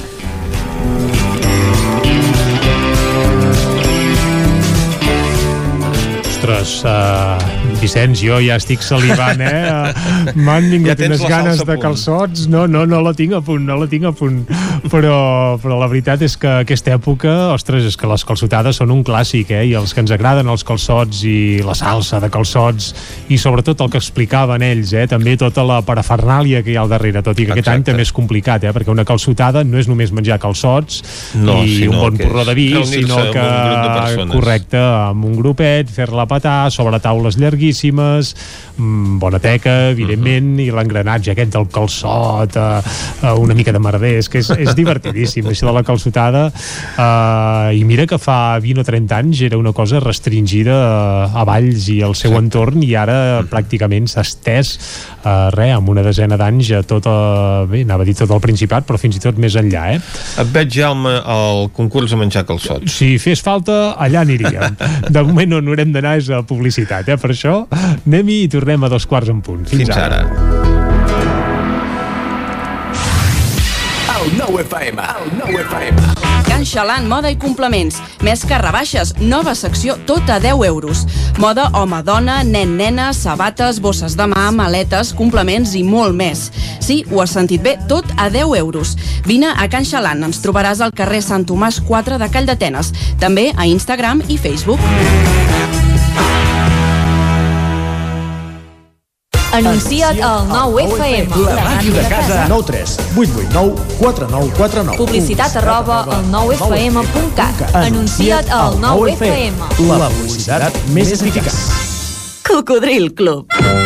Si t'agrada la bona música dels anys 60, 70 i 80, escolta el 9 FM els matins de dissabtes i diumenges d'11 a 1. És el temps del Cocodril Club, tot un clàssic de la ràdio, amb les bases del pop-rock, les llegendes, les cançons que s'han convertit en autèntics himnes. Recorda, dissabtes i diumenges al matí, d'11 a 1, al 9 FM 92.8. Cocodril Club, el programa revival de l'Albert Malla. Hasta luego, cocodrilo. Només pensar en passar aquesta nit sense calefacció amb aquest fred? No es preocupi, hem analitzat a fons la caldera i de seguida quedarà reparada i en funcionament. Quan tingui un problema amb la seva caldera, vagi directament a la solució. Truqui sempre al servei tècnic oficial de Saunier Duval i despreocupis, perquè som fabricants i coneixem les nostres calderes peça a peça. Informis a Oficiat Nord trucant al 938860040. Saunier Duval, sempre al seu costat. Perill de glaçades? Per evitar problemes a les instal·lacions d'aigua en cas de glaçades, Aigües Vic recomana que es prenguin les mesures adients, protegint-les amb els materials adequats. Aigües Vic recomana la protecció amb Porexpan o amb altres materials aïllants, però sempre fàcils de posar i treure per facilitar la lectura del comptador. Per a més informació truqueu al 93 885 2500 o entreu a aigüesvic.com. El restaurant El Racó de León no s'oblida dels seus clients en aquests temps difícils i us ofereix els vostres plats preferits per emportar. Reserves al telèfon 93 889 1950. Obrim amb el 30% d'aforament. Disposem de menjador i terrassa amb totes les mesures de seguretat. Són temps de reptes. A la Fogonera n'hem aconseguit tres. Servir arrossos d'estrella per emportar i a un preu de justícia. Aquest hivern tenim l'arròs de calçots en tempura. La Fogonera, la rosseria de paelles per emportar a GURB i que també et portem a casa. Telèfon 93 851 55 75 i a lafogonera.cat. I quan cau la nit, Pupurri Culinari, solucions per sopar les nits de divendres i dissabte. Entra a pupurriculinari.cat i tria. El nou FM, el nou FM, el nou FM, el nou FM, el nou FM.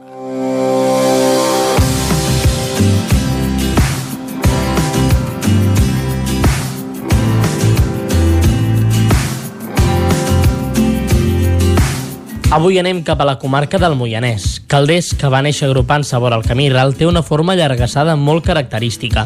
Es va formar al llom de la cadena que separa les aigües de la riera del Malrubí. El nucli antic es va formar agrupant-se a la plaça Major, presidida pel temple parroquial de Sant Vicenç. Formen el seu allargassat terme municipal, a més del nucli del poble de Calders, els nuclis de la població de la Guàrdia, l'Uller, les Hectàrees, la colònia Jorba i un important grapat de masies. El terme és travessat de llevant a ponent pel riu Calders, que es forma a Monistrol i desemboca al Llobregat, prop de Navarcles. El riu s'ha anat encaixonant sobre els materials calcaris i ha format una sèrie de serrats, com el del Puig, la Guàrdia o el Castell, on es pot apreciar perfectament un meandre abandonat. Dues terceres parts de la superfície municipal són cobertes de boscos de pi blanc, alzinars i rouredes. La necròpolis de Partagàs està situada al capdamunt d'una cresta que davalla pel vessant nord de la serra del Vintró. Sobre la riera de Calders hi ha uns 100 metres al sud-est del mas enrunat de Partagàs. Les estructures presenten un estat d'afectació variable motivat per factors diversos. El castell de Calders està emplaçat al cim d'un turó de forma cònica que s'aixeca en una clotada al voltant del riu Calders. El conjunt és format per la Torre Mestra, una muralla perimetral, una construcció dels segles XII i XIII i possibles restes de l'església. La Torre Mestra o de l'homenatge és de planta circular. Aproximadament la meitat de la torre s'ha esfondrat juntament amb el bancal de roca on es sustentava. La muralla, que es conserva parcialment, ressegueix el perímetre de l'esplanada al cim del turó. Aquest castell tenia la funció de defensar el terme de Calders.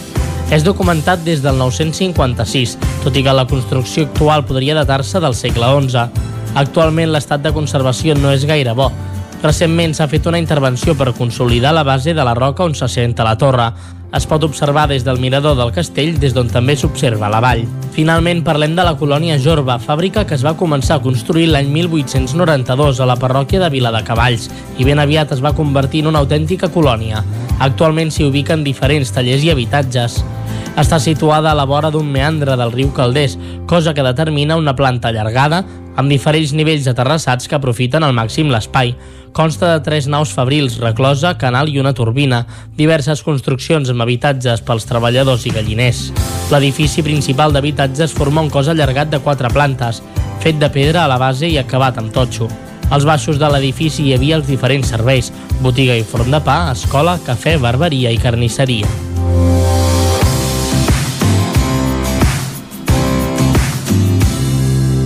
Territori 17. Doncs cap a Calders falta gent, eh? Sí, senyor.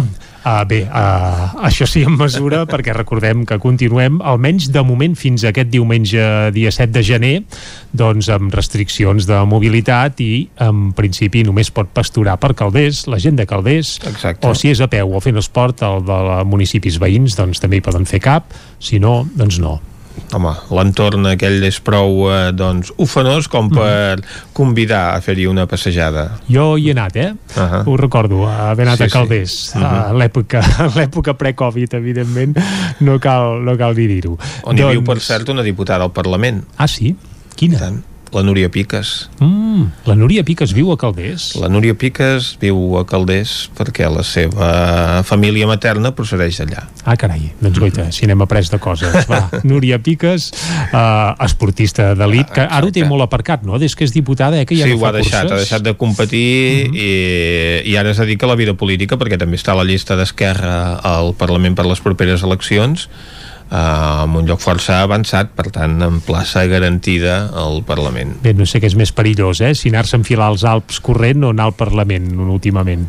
O fer de bomber, que és la seva professió també. Uh, bé, uh, l'haurem de convidar un dia, sapiguem Oh, que és de. Calders, aquí a Territori 17, i la fem petar una mica amb la Núria Piques. De Ah, moment, el que farem petar és el tren. Bé, petar esperem que no peti, Bé, però sovint... cada dia el tren de sovint, sovint hi ha accidents. Anem cap a la R3, sí? Anem-hi. Doncs anem a la Trenc d'Alba.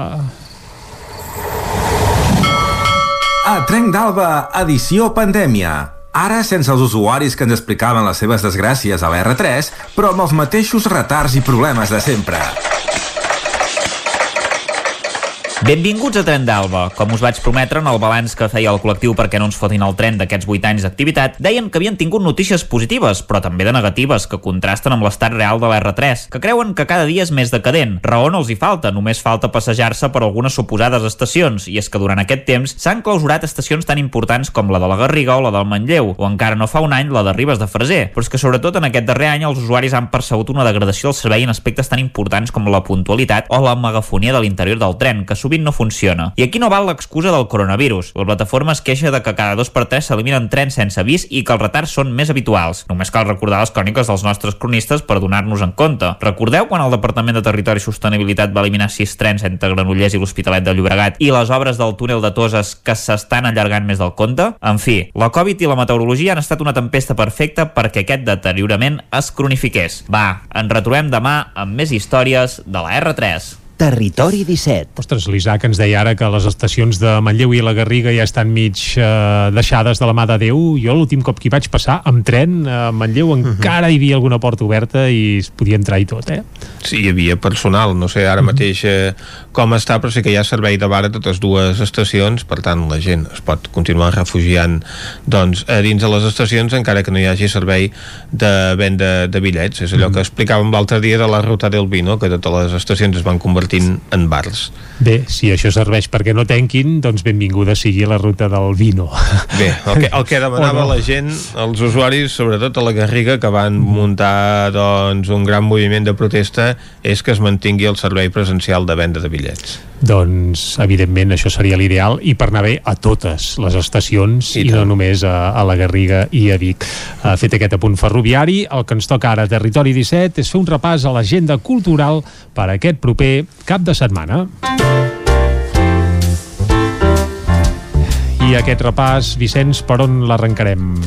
Anem, eh, si et sembla, a Ràdio Cardedeu. Allà ens espera l'Òscar Muñoz per explicar-nos les últimes novetats en matèria cultural. Bon dia, Òscar. Bon dia. Què ens proposes fer? Doncs mira, comencem per divendres a dos quarts de cinc, a dos quarts de sis i a les vuit, do, doble funció, de la està bé. Martita de Granà.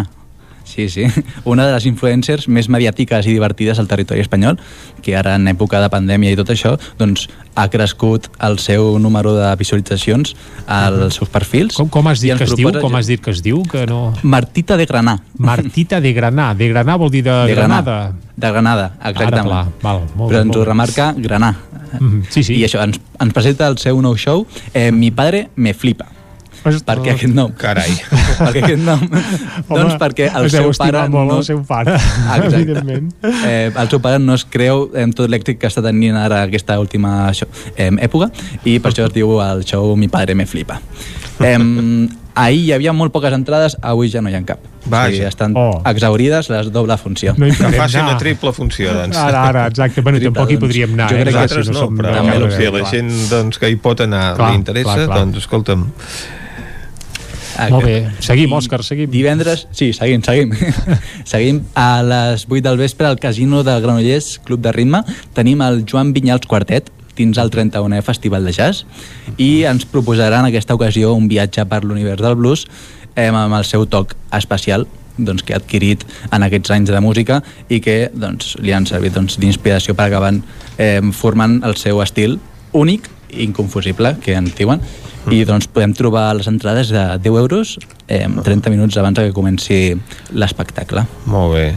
Canviem de dia i de lloc. Mhm. El dissabte a les, a les 5 cu- tenim el tastautors, l'últim tastautors, amb el Pau Vallvé. Llavors a les 5 tenim la, la xerrada I si parlem de música amb Pau Vallvé i després tenim el Jordi Serradell de Taloner després d'un grapat d'anys doncs, encarregat únicament de la bateria, ara per primer cop és el cantant, guitarrista rítmic i creador dels seus propis temes. I just després estarà el Pau Vallvé em, tocant que torna per presentar el seu 17è disc, un treball composat, tocat, mesclat i produït per ell mateix, o sigui que ho, ho ha fet tot Mhm. en aquest disc eh, La vida és ara, eh, disc de l'any, els Premis Enderroc per la crítica. Doncs no hi ha com ser polivalent. Dissabte, a dos quarts de sis, a Granollers, a la sala 9BU de la Roca Humbert, tenim a les dues princeses barbudes a la presentació de La Bona Vida. És un concert per tota la família amb cançons pop plenes d'humor tocades amb instruments petits i de joguina. I llavors doncs, ens situaran 8.000 anys abans de Crist on, en una Carai. petita comunitat que es resisteix al progrés del neolític i defensa la bona vida del paleolític. Sí. Bé, no, no hi havia pandèmia, llavors. Això no, segur. No, allà estaven, estaven molt tranquil·lets. bueno, les seves coses tenien, eh? Segur, segur que I sí. això, podem trobar les entrades des de 8 euros. I Molt per acabar, diumenge a les 6 al Teatre Auditori de Granollers tenim el Circ d'hivern anomenat fins i tot a la foscor. És un espectacle, doncs això de circ, circ contemporani, que ens parlarà de la història cultural i religiosa de l'Occident des d'un llenguatge una miqueta tragicom tragicòmic. I això ens farà un petit viatge a través de les diferents èpoques des dels inicis de la humanitat fins al segle XX. I podem trobar les entrades des de 6 euros. Perfecte, ja que no podem anar al circ perquè no estan de gira per les circumstàncies actuals, almenys la majoria, doncs podem anar al Teatre Auditori de Granollers. Auditori. Molt bé. Doncs moltes gràcies, Òscar. Tenim circ, tenim també molta música. No sé què és el que ens té preparat ara mateix la Caral Campàs des d'Ona Codinenca. Bon dia, Caral.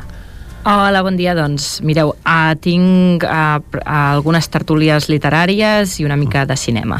Um, mira, a Sant Feliu de Codines, aquest Mhm. divendres a les 7 del vespre, a la biblioteca organitza uh, una tertúlia sobre un llibre que és Un año en los bosques. Aquesta tertúlia serà mm, telemàtica, en línia, i parlarà una mica doncs, sobre aquesta novel·la eh, que tracta i reflexiona sobre mm, l'entorn natural, eh, viure en un lloc on no sigui doncs, la clàssica ciutat o poble, ja que la, la seva autora, Sue Havel, eh, que és estatunidenca, doncs, va decidir eh, fa temps marxar de la ciutat i anar a viure eh, al bosc i parla una mica doncs, d'aquesta experiència. Llavors, eh, la biblioteca organitza una tertúlia sobre aquest llibre aquest divendres a les 7 de la tarda.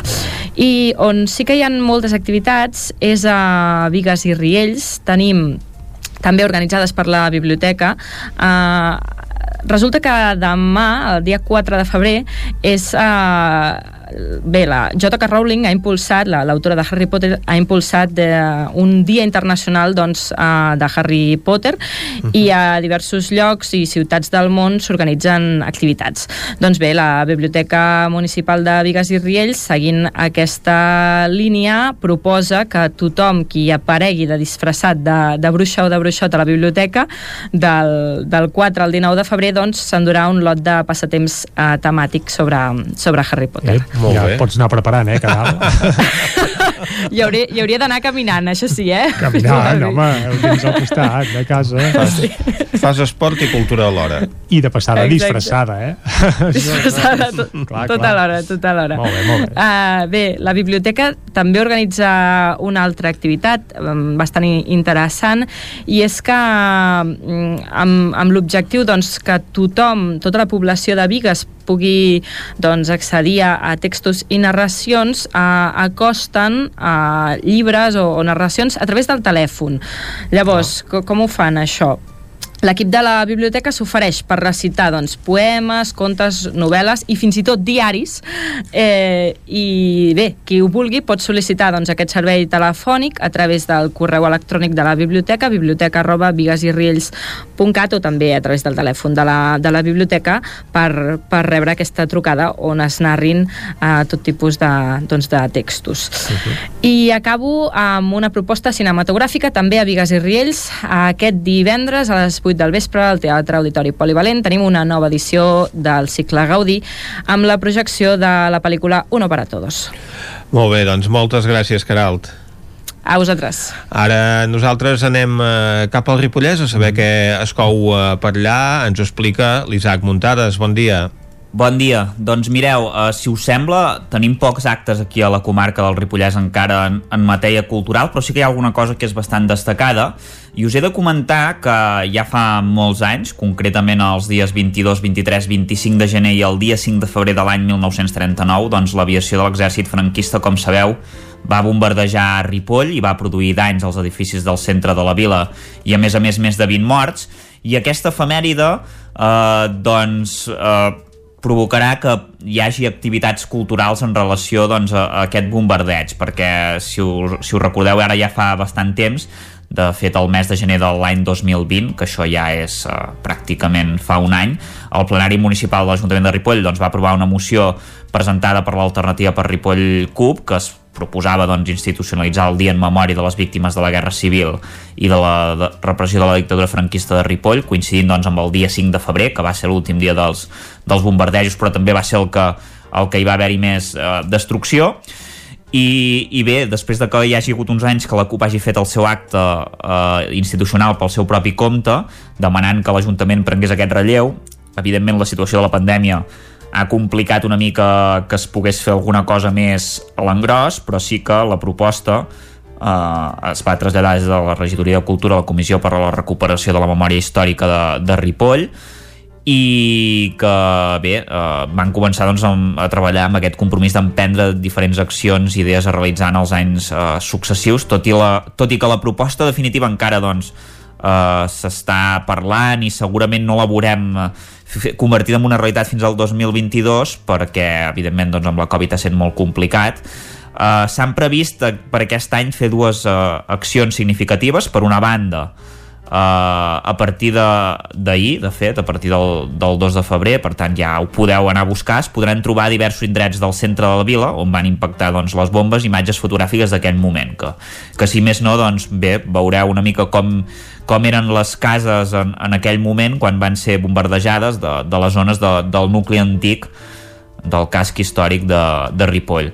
I per altra banda, doncs, el canal de YouTube eh, Ripoll Cultura s'hi veurà un fragment del documental sobre la Guerra Civil que va promoure fa uns anys l'Ajuntament de Ripoll on diversos uh, ripollesos doncs, narren els seus records d'aquells dies de gener i febrer de l'any 1939 i concretament doncs, d'aquells bombardejos. Per tant, uh, ara que precisament que s'està intentant recuperar un búnquer de la Guerra Civil a la plaça de, de, davant de la plaça de l'Ajuntament doncs sens dubte és uh, una, una bona proposta si més no anar a buscar eh, aquestes fotografies, veure aquest eh, documental, eh, revisitar-lo, diguéssim, perquè està, està bastant bé.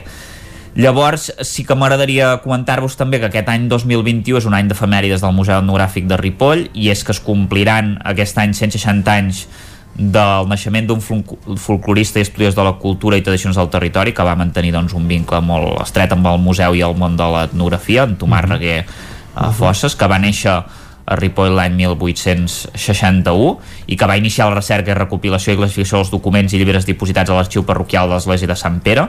Uh, ell uh, durant la seva vida es va dedicar doncs, a plegar materials i objectes diversos relatius al folklore fins que l'any 1929 va crear doncs, una petita exposició uh, i que 10 anys més tard va esdevenir doncs, l'arxiu del Museu Folclòric de Sant Pere de Ripoll i a través de les xarxes socials des del museu organitzaran qüestionaris i publicaran continguts setmanals amb informació del seu llegat fins a finals d'any on hi haurà diverses sorpreses per als que tinguin més, més encerts. A més, recordar que al març es compliran 10 anys de l'obertura del museu a la seva nova seu i també doncs, eh, ho celebraran publicant diverses imatges, tot recordant esdeveniments especials transcorreguts doncs, doncs tots, eh, tots aquests anys. Mm -hmm. I així la major part de les activitats d'enguany del museu es faran en funció una mica del llegat de Tomàs Reguer i, i bé, per tant, és, és interessant. Ara recordeu que al museu hi ha eh, l'exposició temporal Carla mm. Rahola, una vida republicana però també se'n preveuen d'altres eh? per tant, doncs, eh, eh, ple de vida al museu eh, etnogràfic aquests dies que, que evidentment doncs, eh, està funcionant eh, molt bé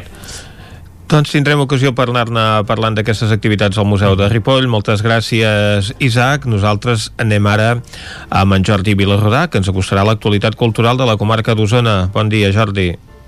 Hola, molt bon dia. Tenim activitat aquest cap de setmana o com està, com està tot plegat? A veure, a veure, te- tenim algunes coses, també alguna altra que ha caigut, eh, de totes maneres es va intentant mantenir una certa regularitat en la programació. Mm, per exemple, eh, doncs, eh, una cosa que ha caigut doncs, que havia de ser aquest dissabte a l'estrena, eh, eh, un espectacle del grup xarxa de Torelló, eh, Cartes del meu avi es diu, o, o es dirà de fet el dia que es faci, que serà pel mes d'abril. Ara, com que era un muntatge que intervenia molta gent, eh, sobretot gent jove, música en directe, etc etc. doncs eh, eh, eh, no ha estat possible fer els assajos i aquest espectacle cau del cartell i se'n va doncs, de moment al mes d'abril. Però, per la resta, doncs, déu nhi les coses que es poden anar fent. Mm -hmm. déu nhi eh, eh, Començarem, però, per una que, que no serà en públic presencial, però que es podrà veure a, a la sala 4 de l'Atlàntida, aquesta sala virtual de, del teatre, uh -huh. que és demà al vespre, a les 8 de vespre, el concert que hi farà la Núria Graham, eh, presentant aquest disc Marjorie, que és el seu darrer treball. Uh, aquest, aquest concert, segurament, uh, als espectadors de l'Atlàntida ja els hi sonarà perquè s'ha ajornat dues vegades. De fet, s'havia de fer a principis d'abril, va ser una de les primeres actuacions que va caure, doncs, esclar, en el moment més estricte del confinament de, de l'any passat, i després es veia ajornat al novembre, que semblava que llavors podria ser pel novembre, però, si ens en recordem, va haver-hi aquell tancament també d'espais culturals a finals d'octubre perquè havia crescut molt el contagi de la Covid i, i, i per tant tots els espectacles d'aquell moment també se'n van anar al cel. I ara ja s'ha optat directament per fer-lo a través de Sala 4, que és aquest uh -huh. espai eh, que, que les, les actuacions es fan allà a l'Atlàntida, però que nosaltres les veiem només a través de la pantalla. I això demà, serà demà dijous, com deia les 8 de vespre, amb aquest, amb aquest disc. Uh -huh. De fet, a l'estiu ella va fer un concert al seminari en acústic, en guitarra i piano ja va interpretar alguns temes, però esclar, aquest seria un concert en banda, un concert que de fet havia de ser el d'estrena. El que havia de ser. Havia, de ser, hauria d'haver estat el d'estrena, l'abril de l'any passat. I ja veieu doncs, que el disc està estrenat i més que estrenat i ha anat corrent fins ara. Escoltem, re, un fragment de Marjorie, perquè la veritat és que el disc és una obra d'art i sona molt i molt bé, eh? Val molt la pena.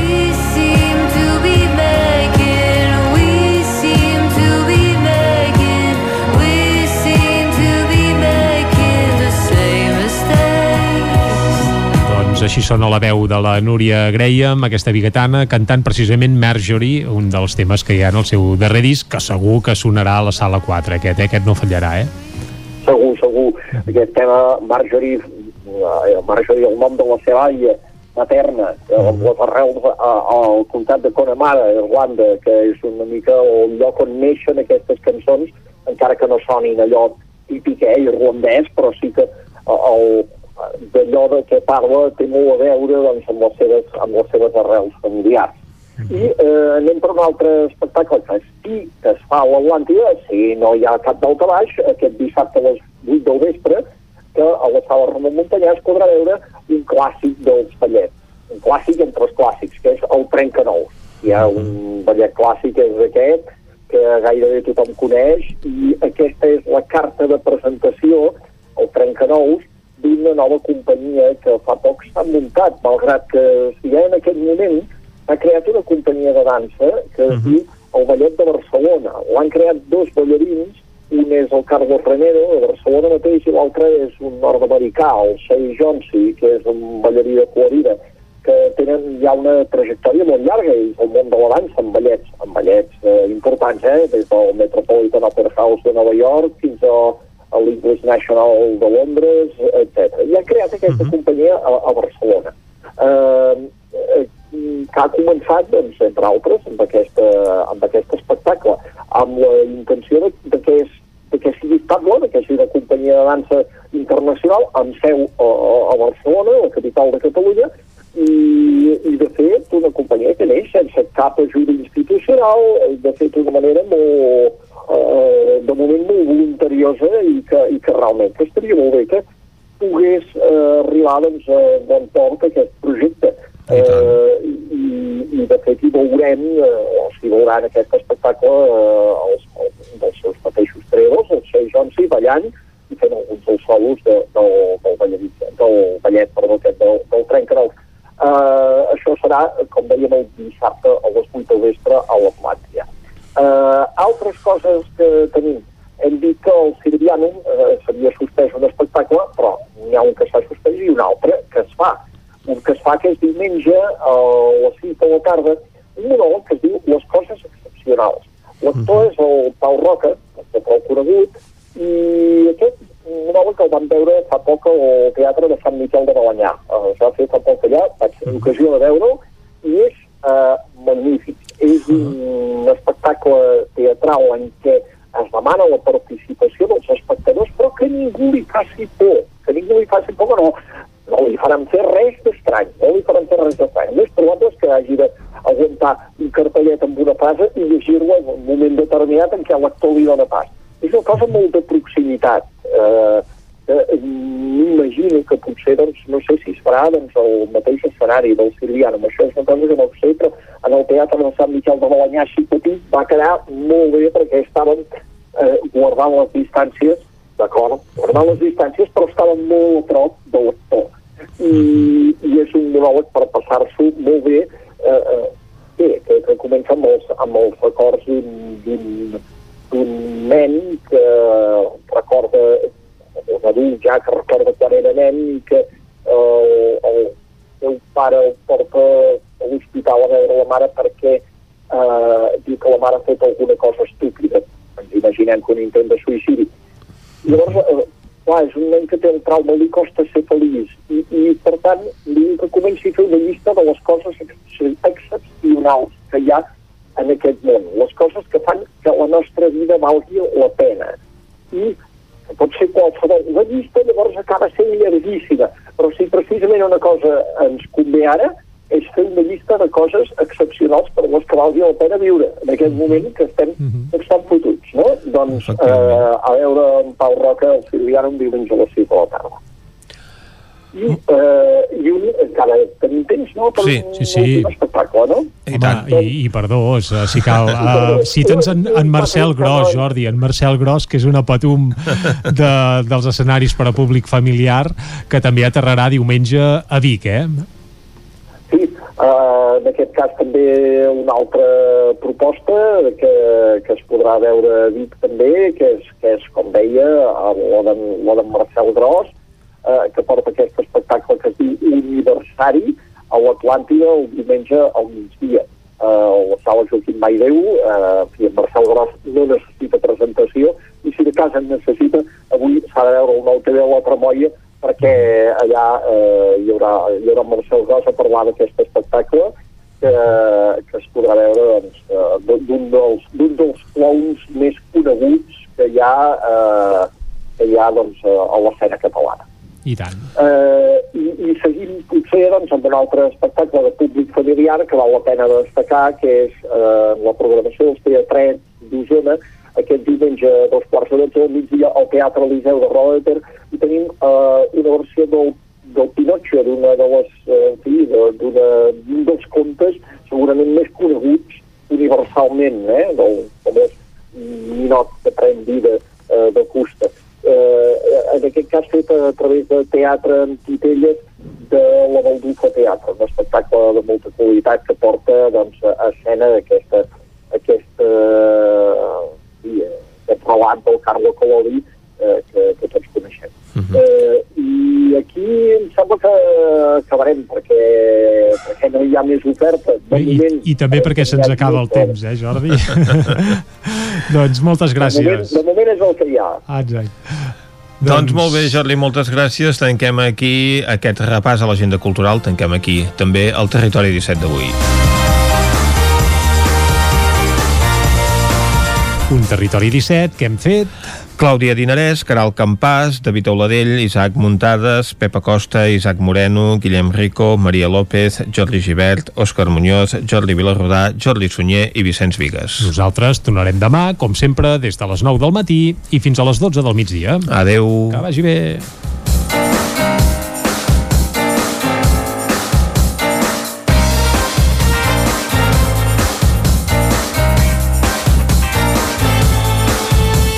Territori 17 un magazín del nou FM. La veu de Sant Joan Ona Codinenca i Ràdio Cardedeu amb el suport de la xarxa.